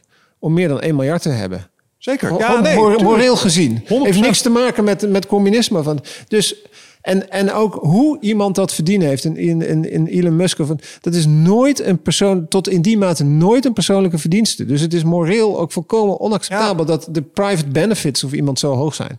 En, en dat is ook zo'n ding, hè? Dat, dat realiseerde ik me laatst ook pas. Wil het me even uitleggen. Kijk, we, we denken, ja, een miljard. Ja, maar hij heeft toch voor, weet je hoeveel een miljard is? Kijk, een miljoen hebben we allemaal een inschatting van. Maar als je eh, een miljoen seconden eh, hebt, dan heb je, wat was het ook weer, elf dagen of zo. Als je 1 miljard minuten hebt, dan heb je 35 jaar. Dat is het verschil in omvang tussen die twee, zeg Ja. maar. Dus wat, ja, nee, 100%. En, en, maar, maar dat is. En, en dat vind ik zo ontzettend interessant. Als je ook het geschiedenis, zoals Piketty en, en anderen hebben gedaan. Als je dat bekijkt, hè, van, van wat vinden wij acceptabel in ongelijkheid? Wat vinden wij normaal? Dan hebben we de afgelopen 40 jaar een enorme verschuiving doorgemaakt. Die eigenlijk volkomen absurd is in, in onze normaliteit. En daar hebben we onze, onze belastingwetten op geënt. Wat, wat echt gewoon heel, heel raar is. Ja, ja, ik doe wel eens het gedachte-experiment. eh, of ik laat mensen wel eens het gedachte-experiment doen als ze zich zielig voelen. Hey man, stap eens in een vliegtuig. Vlieg naar Nigeria. Ga daar op de hoek uitleggen aan het eerste jongetje wat jij tegenkomt. Met zo'n hongerbuikje, waarom jij een slechte dag hebt. Ja, hou je bek, weet je wel. Ja, maar goed, maar dat, dat is. ehm, en dat is, kijk, naast dat, wij het toch echt moeten beseffen dat wij heel rijk zijn met z'n allen. Ja. En dat de verdeling ook in Nederland ook nog best wel scheef is. Dus dat zijn Nee, twee klopt, dingen. klopt. Dus je kan aan twee knoppen draaien om het te verduurzamen. Je moet iets doen aan de verdeling. Wat best wel politiek lastig is, waar de, grootste weerstand zit. Maar wat in het verleden ook gelukt is, zeker na de Tweede Wereldoorlog, eh, is het ook gelukt om dingen gelijker te krijgen. En je moet eh, het, het normaal van consumentisme, moet je op de ene, dus gedragsverandering, moet je op de een of andere manier voor elkaar krijgen. Ik heb hier een meneer in de studio gehad, Chi. En eh Chi zei dat ehm, als het gaat over armoede in Nederland, dat er, dat er bijna nog een miljoen mensen onder de armoedegrens wonen in Nederland.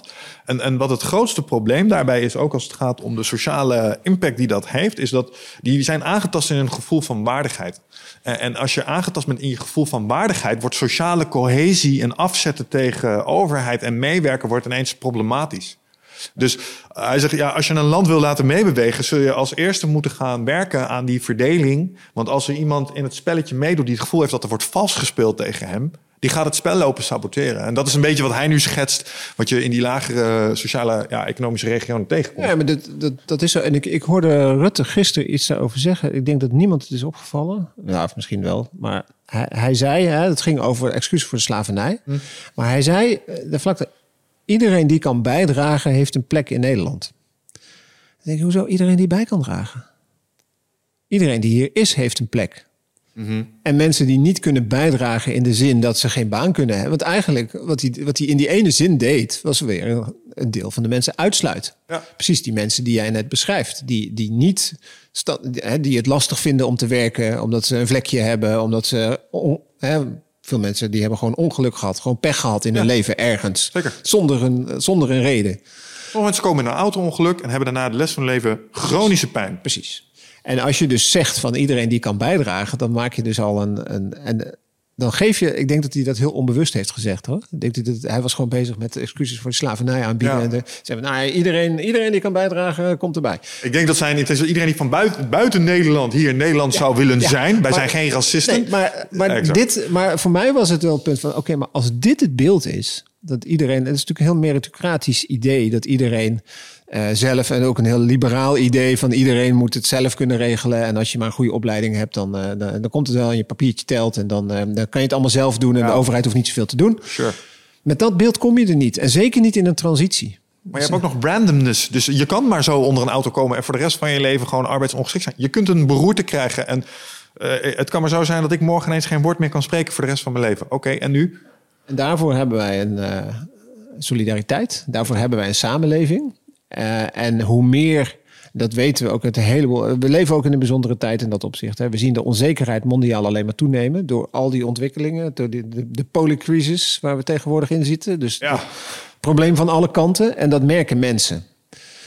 En in onzekerheid heb je als overheid of als samenleving, het is niet alleen de overheid, het zijn ook collectieve verbanden die we zelf kunnen vormen, heb je natuurlijk wel een taak om, om die zekerheid te geven, om mensen perspectief te kunnen geven. Nou, daar heb ik wel een vraag over. Want een van de vragen die ik daar straks even heb opgeschreven is... eh, als het gaat om modellen bijvoorbeeld. Hè, dan eh, komt er uit een model... Nou, we gaan, eh, de, de huizenprijzen gaan zoveel procent dalen. En dan gaat daarover worden gecommuniceerd. En dan hoor ik dat als consument... en ik heb een huis te koop staan... en nu komt er niemand ineens met een lage bod... en nu accepteer ik dat. Want ik heb gehoord dat dat is wat de modellen zeggen. Dus het zal wel kloppen. Met andere woorden, dat wat we modelleren en uitspraken over gaan doen... gaat ook een invloed hebben op de uitkomst. De multicrisis, waar jij het over hebt, daar wilde ik ook iets over zeggen. Daar had ik iets over opgeschreven. Ja, de devaluatie van het woord crisis. Alles is crisis, crisis, Ja. crisis. We zitten in een crisiscrisis. Ja. Ehm, en eh, een van de dingen die mij nooit, die ik nooit zal vergeten als het gaat om duurzaamheid, is dat er een filmpje is eh, opgedoken toen van een CNN-reporter. Die tegen zijn date zat op te scheppen over ja, het volgende ding waar mensen helemaal bang mee gaan maken is klimaat. Let maar op, jongen. De volgende tien, tien jaar is alleen maar klimaat, klimaat, klimaat. Want dat klikt goed, hè? Ja, hiervoor waren het terroristen, maar dat is wel uitgekoud. En nu wordt het klimaat. Maar als je alleen maar over crisissen praat... Kijk, ik kom niet meer op nu.nl, want ik wil me graag goed voelen. Snap je? Ehm, dus er zit ook een verantwoordelijkheid in dat wat de media... en de mensen die de media voeren met de modellen... bepaalt wat er uitkomt. Dus de vraag die ik aan je heb... zijn die crisissen wel echt van die crisissen? Of zit er ook wel een stukje sensatie in... etalering, misschien machtsbestendiging... door te doen alsof het heel ernstig is? Uh, hoe zie jij dat? Nou, dat. Ja, ik moet bij dat eerste denken. Ik, ik werkte nog bij Rabobank en ik was verantwoordelijk voor het, eh, het onderzoek naar de huizenmarkt.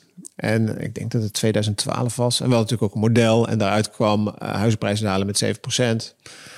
Eh, en we hadden dus, eh, het was in de tijd van de eurocrisis, dus het ging ook allemaal niet zo goed.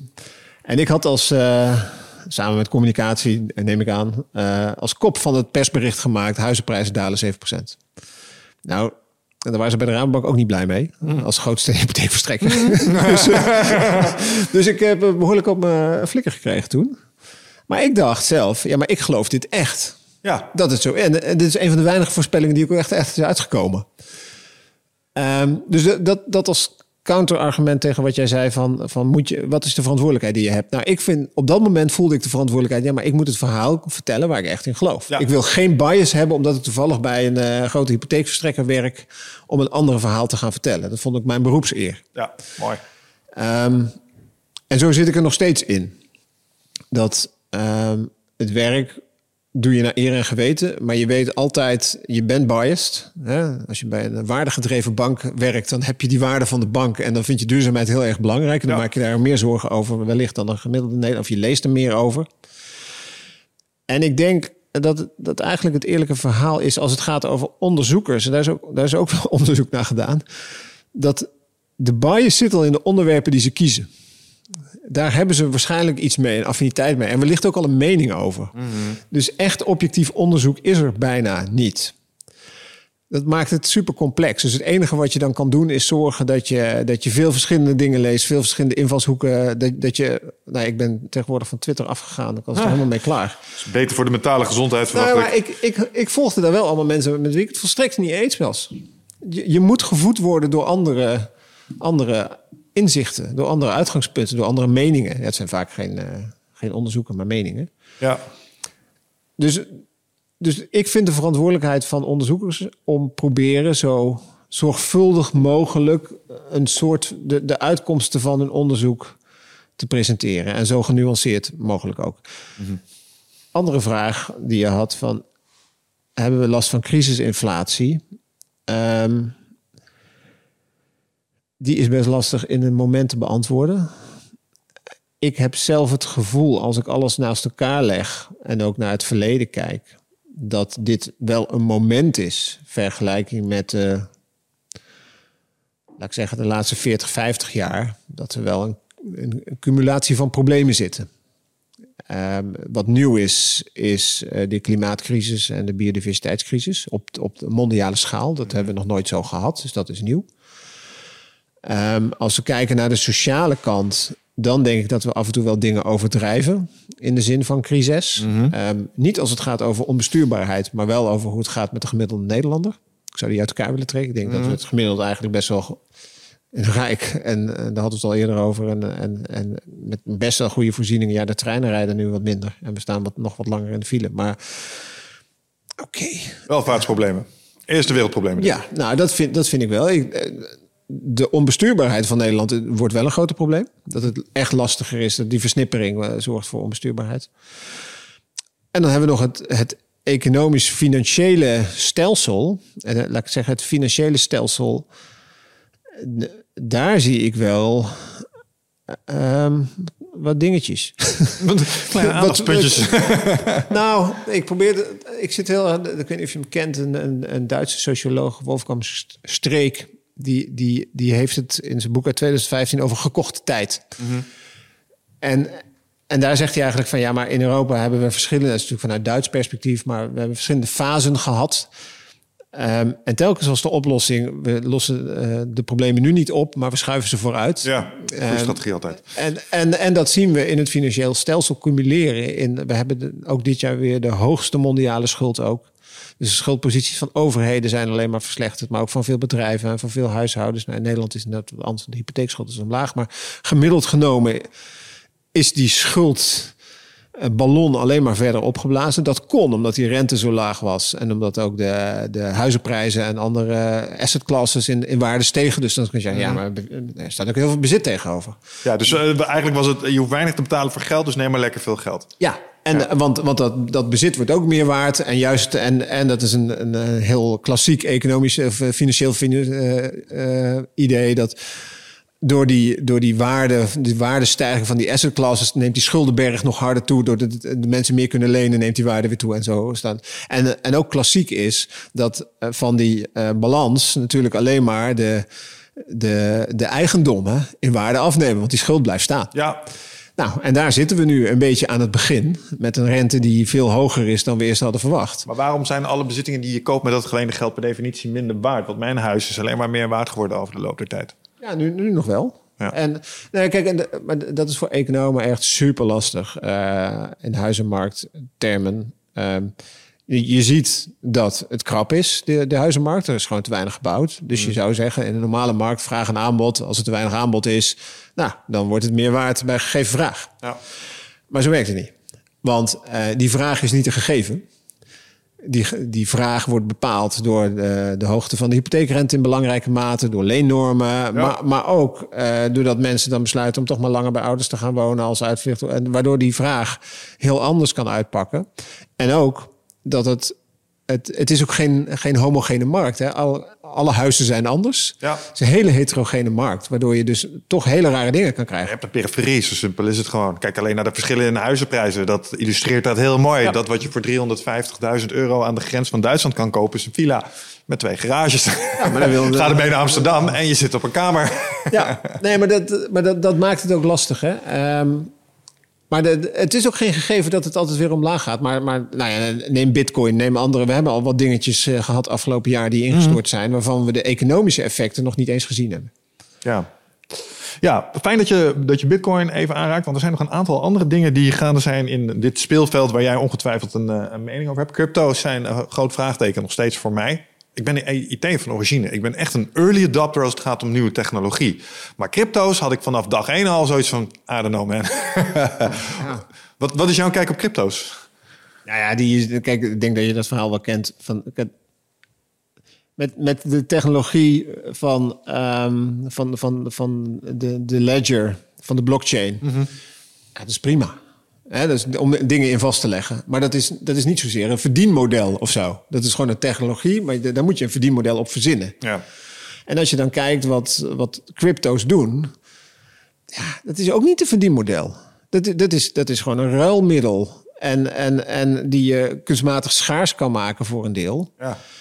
Vooral 3D-kaarten heel duur gemaakt. Ik ben een gamer. Videokaarten zijn niet meer te betalen, jongens. En bedankt.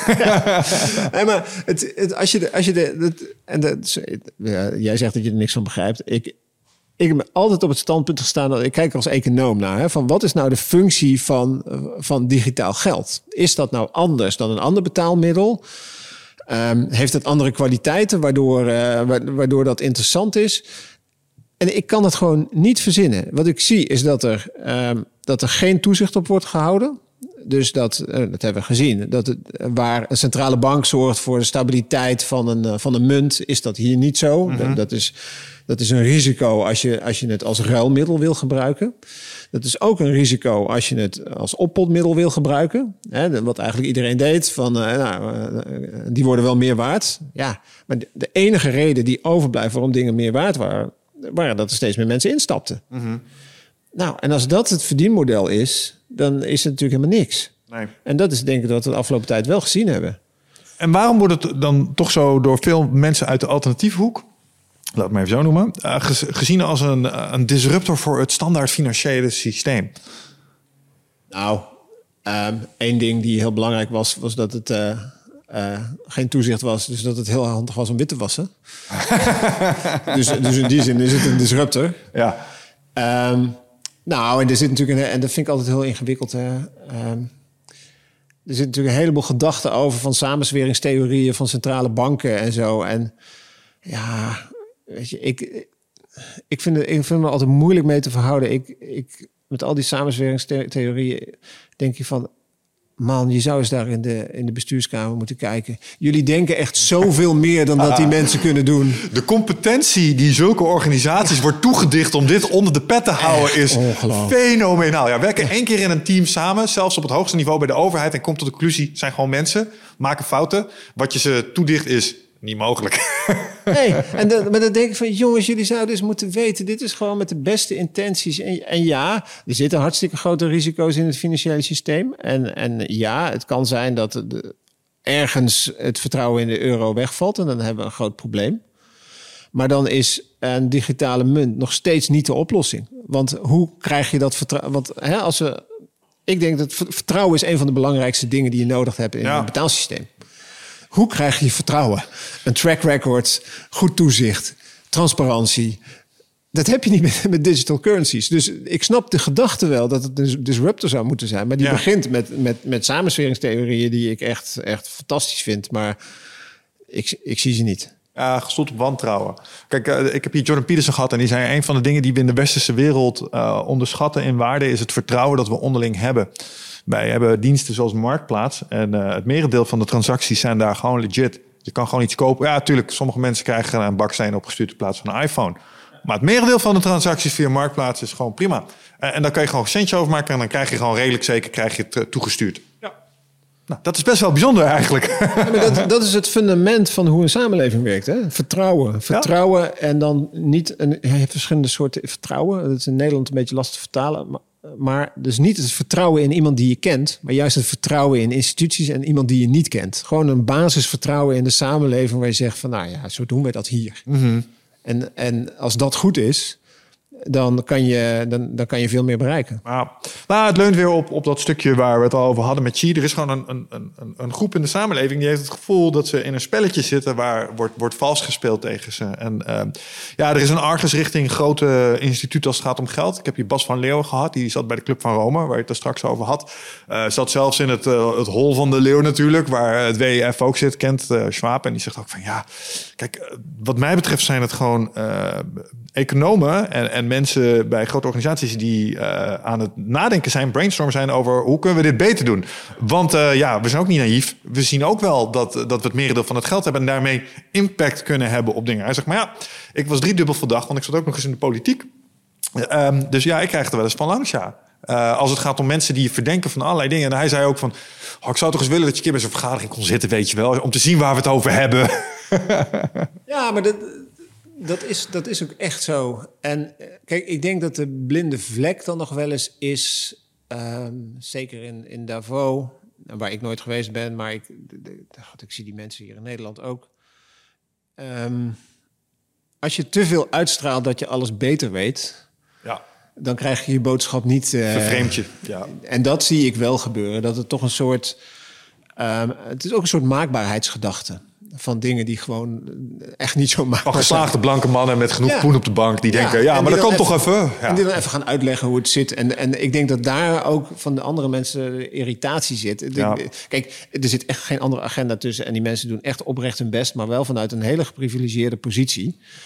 Waardoor ze wel eens vergeten dat de wereld er ook anders uitziet voor heel veel mensen. Ik denk dat daar vooral de valken. Maar dit is mijn, mijn uh, eigen gedachte hierbij hoor. Eén ding echt wel waar ik het in dat kader waar ik dan wel weer in geloof. En dat vind ik ook wel uh, conspiratoire is lobbyen. Dus uh, dat, dat er mensen in key posities uh, dingen wordt toegezegd. Kijk, uh, een van de grapjes van een van mijn favoriete stand-up comedians is dan... ik zou willen dat elke po politieke leider een jas aan moest... net zoals met, de met de F1, met al zijn sponsoren erop. Weet je wel, dan werd het ineens een stuk duidelijker. Ja. heb jij, wat is de rol van lobbyen wat jou betreft in, in het domein waar je in opereert? Zijn daar, hoe zullen we dat zeggen, subversieve elementen die echt aan tegenwerken zijn? Um nou, wat, wat in de financiële sector op dit moment super belangrijk is, is alle, alle duurzaamheidsregulering. Er wordt heel veel gedaan op het gebied van uh, duidelijk te maken of producten nou duurzaam zijn. Yeah. En, en er moeten een heleboel rapportageverplichtingen. Dat is echt veel werk. Um, ik vind zelf dat die regulering veel meer zou moeten gaan over wat uh, niet duurzaam is. Laten we daar maar eens mee beginnen. Ja, ja. Want, want, nu krijg je als duurzaam. Maar, maar wat je daarin ziet, is dat een heleboel partijen heel veel tijd hebben om met iedereen erover te praten, zal ik maar zo zeggen. Mm -hmm. um, en dat wij, bij, bij Triodos doen we dat ook. Hè. Wij hebben ook anderhalve man uh, die, aan het, uh, die naar Brussel gaan en uh, naar andere dingen. Maar wij, hebben, wij zijn heel trans wij schrijven ook altijd wat we doen. En wij willen juist alleen maar strengere en betere duurzaamheidsregulering. Een voorbeeld, de, de, de taxonomie, zeg maar het, het groene spreadsheet... wat nu gevuld moet worden om te zeggen of iets duurzaam is of niet duurzaam. Mhm. Dat is, uh, gaat nu over klimaat, adaptatie en mitigatie.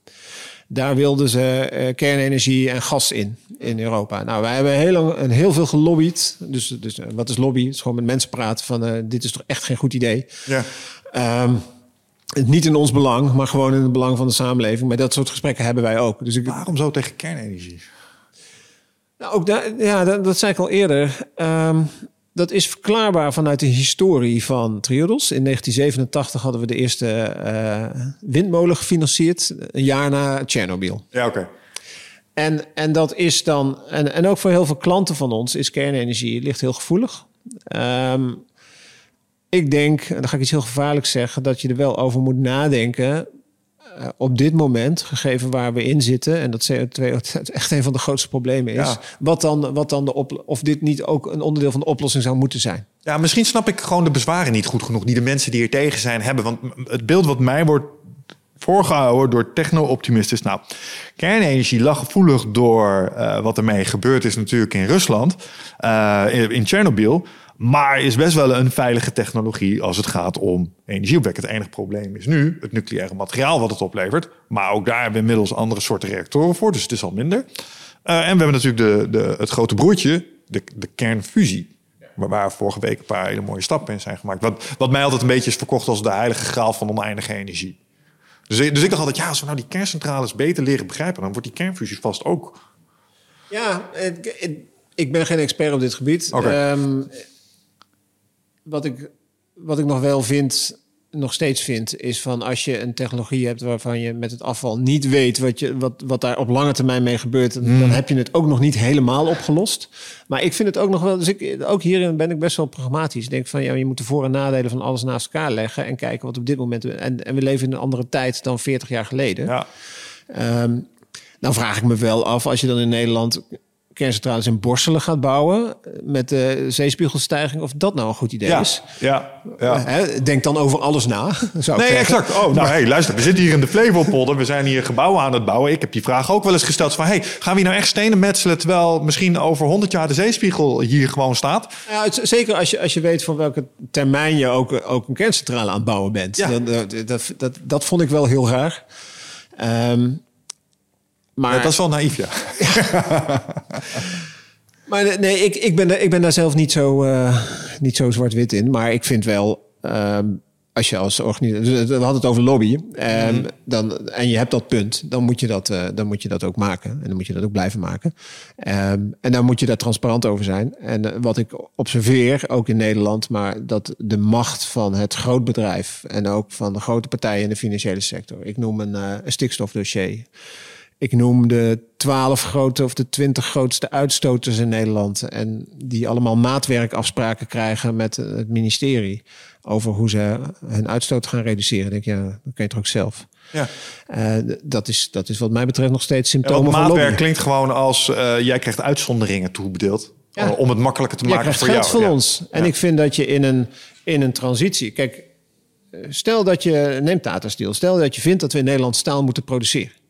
Dan kan je ook zeggen van... Oké, wij vinden staal moeten we produceren. Maar het moet aan deze voorwaarden voldoen. Ja. Het moet eh, net zo duurzaam zijn als in Zweden. Het moet eh, weet ik van wat. En eh, we, schrijven een wedstrijd uit. Tata mag meedoen, maar ook anderen. En dan gaan we kijken wie het best voldoet aan die voorwaarden. Maar dat doen we niet. Nee, we gaan met Tata Steel praten. En we weten ook dat het geld wordt weggesluist waarschijnlijk naar India of zo. We hebben er totaal geen grip op. Want die, die, die brave man, die directeur hier in, eh, in Nederland... zal echt wel zijn best doen om... eh, hè, het is- maar het is onmogelijk. Want die zit ook in een boom en die heeft ook mensen boven zich staan. Ja, en die ja. zit in India en die hebben hele andere belangen. En die willen gewoon... Want ja, inderdaad, Tata is niet de meest vervuilende... Hè, in Hoogovens is niet de meest vervuilende. Die in, eh, in Bosnië of ergens anders... die is waarschijnlijk veel vervuilender... omdat daar totaal geen regels zijn. Mhm. Dus ja, vanuit winstgevendheidsperspectief... denken ze daar bij Tata Steel in India waarschijnlijk ook van... ja, weet je, die zeikerts daar. Hey, en, en, en logisch, ik ben het er niet mee eens, maar wel logisch vanuit hoe zij denken en hun perspectief. Dus dan moet je vanuit Nederland kijken, oké, maar wat is dan de oplossing voor een transitie? En eigenlijk moet je dat ook helemaal niet op Nederlands, moet je dat Europees bekijken. Van willen wij staalindustrie in Europa? Ja. Waar moet die komen? Hoe gaan we dat regelen? Maar dan moet je niet met die bedrijven gaan praten in eerste instantie. Ja. Nou, je, raakt, wel een puntje van me- megacorporaties... waar ik ook een vraag over had in die zin. Want kijk, een van de meest verschrikkelijke dingen die er is gebeurd... in de afgelopen twee jaar... is dat Disney zo'n beetje de rechten op alles heeft gekregen. En daar vervolgens lekker hun eigen woke ideologie overheen heb gegoten... en een aantal eh, intellectual properties waar ik fan van was... echt complete grond in gedreven hebben. Heel irritant. Maar is maar entertainment, dus overleven we wel. Maar ik kan me voorstellen dat wat crucialere onderdelen... zoals energie, eh, agrarisch... eh, dat er ook dergelijke megaconstructies zijn ontstaan... die wel degelijk hun eigen belang als hoogste goed hebben. Ja, wat, daar, daar hebben we het in Nederland niet zoveel over. In, in Amerika en, en op andere plekken is dat wel echt wel een thema als het gaat over de economie. En dat is eh, de superstar economy of de, de monopolie-economie. Of ehm, in ieder geval, in bijna elke sector zien we een aantal grote bedrijven die eigenlijk alle macht hebben. En dat het ook vaak mondiaal zo is. Hè? Of, het, of het nou een Nike is, of het is een Apple, of het is een, eh, een Disney. Ehm, en dat zijn ook nog eens de lievelingetjes op de beurs. Want dat zijn bedrijven die, eh, ja, die marktmacht hebben. Dus die kunnen mo- meer winst maken. En we, en, ja, en we zien ook dat die winstmarges van die bedrijven... de afgelopen decennia fors zijn toegenomen. Ehm, dit heeft al alles te maken met technologie. Dus de wereld is een speelveld. Dit heeft alles te maken met globalisering. Waardoor een, een nationale overheid eigenlijk niet zoveel te vertellen heeft. Want het is lekker uitgespreid. Ehm, en we hebben daar eigenlijk nauwelijks een antwoord op. En de, de meest enge vorm hiervan vind ik, ehm, wat ik dan noem, of ik niet alleen, ik heb het ook maar geleend, eh, asset manager capitalism, is dat je eigenlijk vier grote vermogensbeheerders, dus de BlackRock, Vanguard, Ja. State Street en, en, en, en nog een die ik alweer kwijt ben, die hebben zoveel geld. Dat beheren ze voor hun klanten. Maar die klanten die weten het niet precies. Dus die vragen eigenlijk maar één ding van ja, risicorendement. Maar ze zijn dus eigenlijk eigenaar van alle bedrijven. Met ze, dus, maar dat is toch gewoon niet te geloven. En ze zijn ook nog eens eigenaar van elkaar. Ja. Dus zij bepalen, ze, het interesseert hun dus eigenlijk geen reet wat die bedrijven precies doen. Want ze zijn van alles eigenaar. Het enige wat ze geïnteresseerd zijn is uh, rendement. Ja. En dat is best wel een angstwekkend beeld. Dat je eigenaar bent van alles, maar dat je je over niks echt mee bemoeit. Ja. En dat gaat dus, dus nog een level hoger dan al die bedrijven die, die al monopolies zijn. Zitten daar een financiële sector, de grootste vermogensbeheerder, die namens hun klanten overal voor verantwoordelijk zijn. Maar die klanten hebben, dat was vorige week ook met, uh, het was PME, het uh, pensioenfonds voor metaal.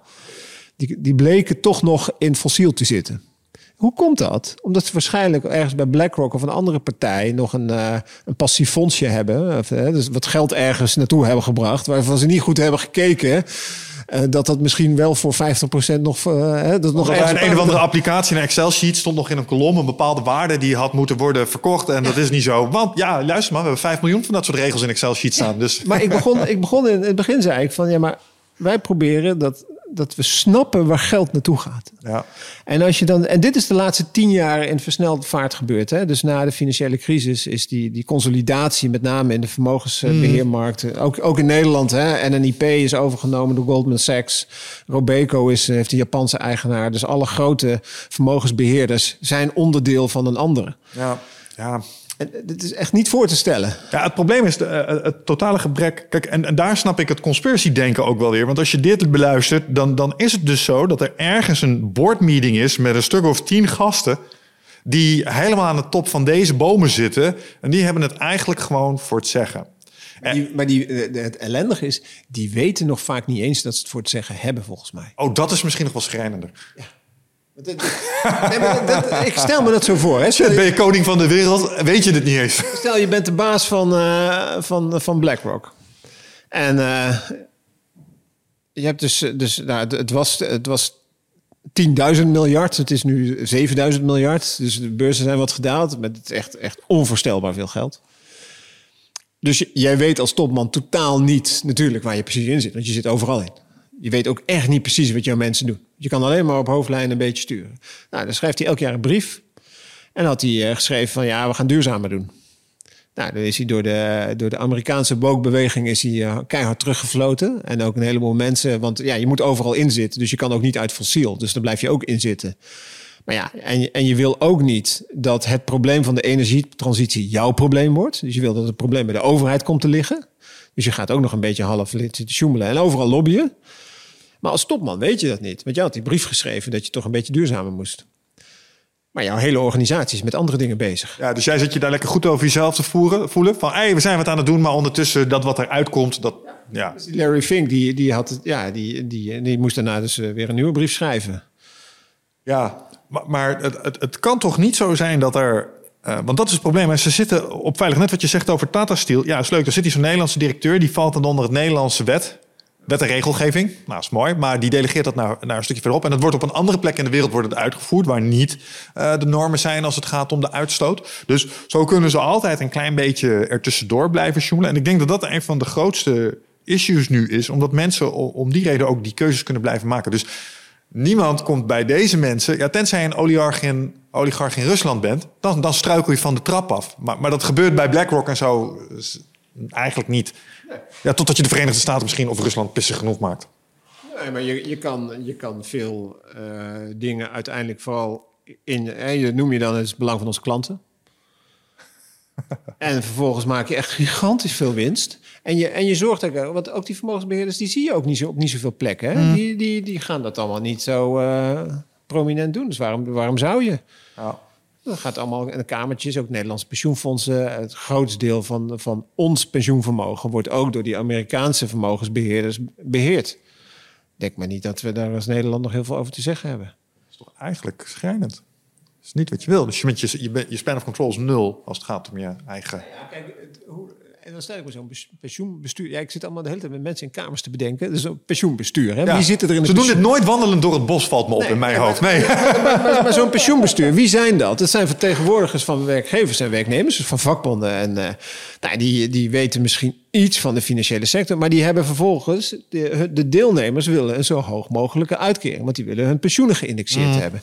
Dan komen er allerlei vermogensbeheerders langs. Nou, dan komen die Amerikanen langs, die hebben producten. Daar betaal je bijna geen kosten, joh. Dus de 20, 30 basispunten, echt helemaal niks. Hè? Dus, dus een heel klein deel is de fee voor die vermogensbeheerder. En dan komen Nederlandse vermogensbeheerders, die vragen veel meer. Zijn veel kleiner. En uh, ja, maar wij, gaan, wij proberen echt te snappen wat die bedrijven doen en wie wij gaan beleggen. En we gaan ook serieus met ze in dialoog. Ja. Dan zeggen die uh, pensioenbestuurders, ja, vinden we interessant. Maar het is wel veel duurder. En wij moeten indexeren. Dus vervolgens ga je naar die grote partijen, passief beleggen. Dat is veel goedkoper. Dus je weet totaal niet wat er met het geld exact gebeurt. Nee. En ik snap het mechanisme. Is misschien mijn gebrek dat ik het allemaal wel. Dat ik het ja, en, en nu ik er wat langer over nadenk, kan ik me ook aan de andere kant wel weer het voordeel ervan voorstellen. Want schaalvergroting is natuurlijk gewoon een mechanisme dat het doet. Dus je kan inderdaad kosten drukken als je het op die manier gaat doen. En dat brengt me eigenlijk bij de laatste vraag uh, van vandaag. Want een van de dingen die ik wel een beetje begrijp, maar waar hier misschien uh, wat meer begrip op is gekomen, is UBI. Dus hoe kan een systeem zoveel surplus genereren dat het uiteindelijk eh, misschien wel de gehele populatie, uh, die inderdaad niet direct meritocratisch een economische bijdrage kan leveren, kan sustainen? En dat moet ergens vandaan komen. Maar als je dit soort schaalvergrotingen hebt, kun je optimalisaties teweeg brengen waarmee je dat kunt bekostigen. Uiteindelijk is, is de, het antwoord op basisinkomen is een analyse van waarom de arbeidsmarkt niet meer werkt als verdelingsmechanisme. Oh, dat is want, mooi. Want historisch gezien was natuurlijk, werkt het best wel goed, de arbeidsmarkt als verdelingsmechanisme. We, we, delen als de werknemers delen mee in de winsten van bedrijven en daardoor hebben we het allemaal goed. En dat is in, in een gemeenschappelijk belang hebben we daar gevonden om dat zo te regelen. Op het moment dat alles mondiaal wordt en die winsten dus niet meer terugkomen naar die werknemers, hebben we een verdelingsprobleem. Wat niet op te lossen is via de arbeidsmarkt. Dat denken we nog steeds, maar dat is niet meer op te lossen. Dus je moet ergens die. Nee, en wat, daar, wat daarbij komt van welvaart hebben we genoeg. In, in totaliteit. We hebben, we, meer, we hebben zelfs te veel welvaart. En dat is, dat is ons, het succes van technologische vooruitgang, van onze eigen innovativiteit, vanuit een fantastisch verhaal eigenlijk. Ja. Maar omdat die arbeidsmarkt niet meer werkt als verdelingsmechanisme, moet je daarvoor iets in de plaats brengen. En dan hebben we de luxe dat er op zich genoeg is om een basisinkomen daar neer te leggen. Um, maar dan zal je wel moeten zitten aan die hele machtige bedrijven waar we het net over. Dat surplus moet je ergens weghalen. Ja. En als je daarin slaagt om dat op een gecontroleerde manier te doen. De, en dat herverdelen op zo'n manier dat de mensen mogen de inkomensverschillen moeten we houden. Ik ben nog steeds een econoom, ik geloof in financiële prikkels, dus ik geloof Ja, ja, ook dat, 100%. dat dus. Maar dan kan je die, die bodem kunnen we echt betalen dan. Maar dat kan je niet, en dat is, dat is het lastige in, in zo'n vraagstuk. Dat lukt dus eigenlijk niet op nationale schaal. Dat is gewoon echt super lastig. Zeker. Moet mondiaal bedoel je? nou ja, op, op Europees niveau zou je een eind kunnen komen. Ehm, maar Nederland is natuurlijk een hele open economie. Dus wij hebben er ook met. eh, Het is niet voor niets dat onze winstbelastingen en dergelijke zo laag zijn. Dat is, dat is ons verdienmodel geweest. En als we daarvan af willen stappen. En, en, en dus een andere kant op willen gaan. Ja, dan moeten we dat wel opnieuw uitvinden. En dat kunnen we niet alleen. Eh, Want dat schaadt direct onze, onze huidige belangen. Ja, ja ik, ik vraag me wel eens af of we inmiddels als... Vraag me af hoe jij daar tegenaan kijkt. Kijk, ik heb zo, ik heb zo standaard vragen in mijn podcast van... Hey, als jij president van de wereld zou zijn, wat, wat zou je dan doen, weet je wel? En dat suggereert altijd dat je het voor elkaar hebt gekregen... om die hele aardkloot, zeg maar, onder één beleid te krijgen. Want kijk, ik ben opgegroeid met Star Trek The Next Generation... en daar was aarde gewoon aarde. En je had, eh, zeg maar, dat werd beheerd door de Verenigde Naties van Planeten. Dus dat was één planeet en die trad naar buiten. En dat maakte niet uit of je uit India kwam of uit de UK. Je was een mens, human. Ehm, en ik denk altijd heel lief, ja, volgens mij is dat gewoon wat we moeten doen. We moeten gewoon al die resources op één... eh, als ik computerspelletjes speel waarin ik de ruimte verover of de aarde moet managen... gebeurt het ook zo. Alle resources worden op één stapel gegooid. En daarmee gaan we dan vervolgens Ja. naar buiten. Ja. Maar dat is vast naïef. Hoe kijk jij daar tegenaan? Geloof je in juist eh, globalisatie verder? Of denk je juist dat het decentraal, lokaal opgelost moet worden? Ja, dit is. Dit is ik, eh, ik denk dat we niet meer terug kunnen van globalisering. We, hebben, we, we hebben mondiale problemen en die moeten mondiaal worden opgelost. Ja. Aan de andere kant denk ik, en dat is de nuance, ik denk ook dat je prima dingen eh, juist lokaal zou moeten doen, omdat het veel beter is in de binding van, van de sociale cohesie en dat soort dingen. Dus je kan daar wel, maar de, de, je hebt een soort global governance nodig om dingen op te lossen. Ja. En een van mijn favorieten, Herman Daly, die schreef daarover van hoe, welke soort problemen heb je en waar los je die op? En dan zei hij van, ja, die, die ecologische problemen die mondiaal zijn, die moet je ook mondiaal oplossen. Ja. Dat is collective decision making, waarbij wetenschap een hele belangrijke rol moet spelen. Waarbij je echt moet kijken van, ja, weet je, waarschijnlijk moet je dingen gaan vastleggen, net als, net als wij hebben gedaan met de Delta werken, maar dan mondiaal. En depolitiseren van de grote problemen. Dat moet je daarin doen. Dan heb je verdelingsvraagstukken. eh, die je per definitie via collectieve besluitvorming, via politiek moet oplossen. Maar die moet je in een al kleiner gebied waar die verdeling echt relevant is en waar je die ook nog snapt oplossen. En dan heb je de laatste, dat is efficiëntie en markten. Eh, Ja, die kan je gewoon overal doen. Ja. En dat maakt niet uit. Dus, en, en, en dat is aan de markt, dus dat is aan marktparticipanten en dus niet meer collectieve besluitvorming zoals die andere twee. Ja. En als je die heel goed scheidt van wat doe je nou waar, dus, en dan, dan heb je eigenlijk het beeld van onder welke voorwaarden gaan die markten werken. En waar besluit je wat. En laat dat niet over aan markten, maar leg dat op een andere plek neer. Ja. Ja, want je hoort wel eens van die tegenleiding van ja, Nederland moet gewoon Nederland blijven terug naar de gulden. We moeten hè, onze economie moeten we sterk houden. En die EU die komt alleen maar dingen opleggen en het moeilijker maken. En dan denk ik, dan ga ik weer terug naar zeestijging. Ik denk, ja, je mag nooit vergeten waarom Nederland Nederland heet. Het is leuk dat wij eh, Delta werk hebben. Maar we hebben ook nog Belgische zeg maar, onderburen. Die moeten ook iets soortgelijks gaan regelen. Want anders komt het gewoon via die kant naar binnen. Dus daar moeten we afstemmingen over hebben met elkaar. Misschien gaat dat naar boven en naar onder ook wel door. Dus ja, ik snap, ik snap wat je daar zegt. Maar zo andere initiatieven, zoals bijvoorbeeld hoe gebruik je grond als het gaat om agra agrarische eh, eh, inzet. Ja, dat lijkt me meer weer iets wat je regionaal. Dus waar zet je je koeien neer? Waar, waar ver- verbouw je Ja, graan? dat, dat, zijn de, in- dat, dat zijn de inrichtingsvraagstukken. Die, dat zijn niet die grote ecologische problemen, maar die inrichtingsvraagstukken waar je, waar je juist met. En, en daar geldt dat wij zijn doorgeslagen in die marktwerking en die eigendomsvorming. Want een van de grote obstakels waarom we nu niet het landschap kunnen herinrichten, is privaat eigendom en, die, en de rechten die mensen Ja. daaraan ontlenen. Dat zou je juist veel collectiever willen. Ja, dat is heel radicaal. Onteigenen Ja. voor een deel. En zeggen, oké, we gaan het opnieuw verdelen. Maar nou, ik ga nou iets potentieel heel gevaarlijk zeggen. Omdat ik weet dat het stikstofdebat in Nederland is een hekelpunt bij een boel mensen. En ik zit daar, eh, ook daar, hè, daar was Kees ook heel, heel eh, empathisch in. Zo van, ja nee, ik snap het. Het is, het is veranderen en het is eh, pijnlijk voor alles en iedereen. En dat moeten we ook echt onderkennen. En, en daar ben ik het helemaal mee eens. Maar ik heb ook inmiddels de documentaire Kiss the Ground gezien. En ik, ik ken nu, dat kende ik op dat moment nog niet, het concept van drawdown. Weet niet of je dat kent. Basically, als je stopt met eh, op merendeel van de wereld ver- verbouwen zoals je nu verbouwt... en je gaat terug naar een andere manier van je agrarische eh, productievorm geven... Hè, met, met koeien meer inclusief, dus, dus niet grote weilanden... nee, meer biodiversiteit, geen monoculturen... dan is het dus mogelijk om de excessieve CO2-uitstoot... binnen 30 jaar weer terug de grond in te trekken. Ja, sorry, maar dan ben je klaar in mijn hoofd. Oké, dan doet het pijn. Sorry, maar eh, even pragmatisch, jongens. Het is, het is of dat, of hier met z'n allen eh, Utrecht aan zee. Ja, ik, ik, ik zou willen dat het zo zou werken. Maar dat weet jij ook. Hè? Van, ik, nee, maar Ik chargeer natuurlijk, maar nee, het, het is maar wel... Met het idee ben ik het...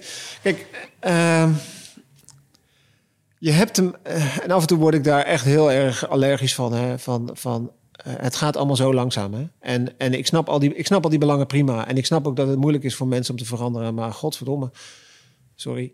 Laten we eens even wat doen. Existentiële crisis, jongens. Ja. Hup, hup, je huis staat Eh, in de fik. En jij wil ruzie maken met de brandweer. voelen we het gevoel van urgentie gewoon niet? Of willen we, hoe lang willen we nog gaan kletsen? En dan zie ik, ik hoorde gisteren een verhaal over hoeveel tafels er allemaal komen in de landbouw. Hè? Dus dan gaan al die sectoren praten, komen allemaal tafels omheen. Ik hoorde dat, ik denk, gaan we nog iets doen? Ja, vijf jaar later nog steeds aan het lullen waarschijnlijk. Ja. En, dus ik ben het voor een deel met je eens, maar ik begrijp Kees daarin ook dat je zegt van het is een rouwproces waar mensen doorheen moeten. Ja, Ja. maar het is wel de vraag hoeveel tijd we hebben om te blijven rouwen. Ja, dus dat, dat is net wat ik zeg. Ja, leuk, maar je huis staat in de fik. en Je gaat ruzie maken met de brandweer. Dit is niet het moment, snap je? Dus let's go. en te meer omdat ik nu ook met eigen ogen heb gezien. En dat is waarom ik dit soort gesprekken ook belangrijk vind. En daarom kan ik het ook begrijpen. Want vijf jaar geleden was ik gewoon een IT-pik. En was ik hier niet druk mee. Totdat ik hier zelf bomen in de grond ging zetten, zag hoe snel de, de, de sloot ineens leeg trok van de zomer. Uh, hoe hele stukken grond ineens moesten worden bewaterd. Um, en dan denk ik, ja, het wordt alleen maar erger, want klimaatverandering. Het wordt pas echt voor je als je er middenin staat. En dat is helaas een tekortkoming van onze menselijke psyche. Maar maakt het wel begrijpelijk. Um, aan de andere kant, ja, uh, ik denk dat uh, het voordeel waar we hebben al gehad, we hoeven maar een x percentage van onze bevolking ervan te overtuigen dat dat ook echt zo is. En dan kunnen we ze misschien meekrijgen in die kritieke massa. Dus, uh... maar ik ben blij dat de mensen zoals jij zijn die daar gewoon ook op posities zoals bij de Triodos zo, zo stellig mee zijn en daar zo in zitten. En ook proberen dingen te doen. Ja. Niet alleen maar over te praten. Daar ja. trap ik mezelf ook nog wel eens op hoor. Wat paradoxaal is als je dat in een podcast zit te vertellen natuurlijk. Maar... Precies, daarom zeg ik dat ook. ja, die begrijp ik wel. Um, Oké, okay. dan heb ik nog uh, één uh, afrondende vraag voor je, voor de mensen die hier naar luisteren. En denken, ja, dat is allemaal wel dat is mooi. En ik voel me ook wel gemotiveerd om hier misschien iets mee te doen. Um, wat is laaghangend fruit voor de gemiddelde luisteraar om toch een positieve bijdrage te leveren aan alles waar we het zojuist over hebben gehad? En ik weet dat we het over veel hebben gehad, maar er is vast een ding ja. waarvan je denkt, nou, dit is een mooi begin. Nou, ik las vanochtend een stuk in de krant dat steeds meer mensen flexitariër, uh, zichzelf flexitariër noemen, maar de hoeveelheid vlees nog steeds hetzelfde is die, die, geconsumeerd wordt. En, dus, en, maar de, wat er waarschijnlijk dus gebeurt, is dat steeds meer mensen zich zo noemen, maar dan gemiddeld meer. Dus, dus dat hoe meer mensen zich flexitariër noemen, hoe meer mensen, hoe, hoe meer ze gemiddeld eten. Ja, nou, ik denk dat dat werkt bij hun zoals dat werkt in mijn hoofd. Want dan heb ik een keer een dag en dan denk ik, oké, okay, ik ga iets goed doen voor het milieu. Nou eet ik alleen champignons en een bami-schijf, want dat vind ik het meest acceptabel. Op een manier vind ik een bami-schijf vegetarisch goed te doen. Ik weet niet wat het is, maar dan eet ik dat en denk ja, kijk. En dan de volgende dag denk ik, maar kan ik ook een stukje extra vlees nemen? Want ik heb gisteren vegetarisch gegeten. Nee, kijk, dus, dus, dus ik, ik denk gewoon... Um, echt bewust zijn van je keuzes. Zonder, zonder daar heel dogmatisch in te zijn. Hè, van, maar het is ook niet zo moeilijk. Er zijn echt super lekkere gerechten met iets minder vlees. Dus, ja. En wat vleesconsumptie. Ik eet ook af en toe vlees. Hè, dus ik ben ook geen. Uh, maar ik probeer, het, ik probeer daar ook echt mijn best te doen om het echt ja. te minderen. Ja. Aan de andere kant denk ik van ja, daar hadden we het net op het laatste over. Voor een deel is het individueel gedrag op de markt, de transacties. Voor een ander deel is het collectieve besluitvorming. Is het dus politiek. En dat zijn ook wij. Ja. En blijf daar ook bewust mee omgaan. En zeg niet die lui in Den Haag, want het zijn, het zijn wij zelf ja. die die lui daar neerzetten. Ja. En eigenlijk wat je eigenlijk nodig hebt, is veel meer ge geëngageerde burgers die het verschil willen maken. Want we gaan het niet oplossen door alleen maar andere dingen te consumeren.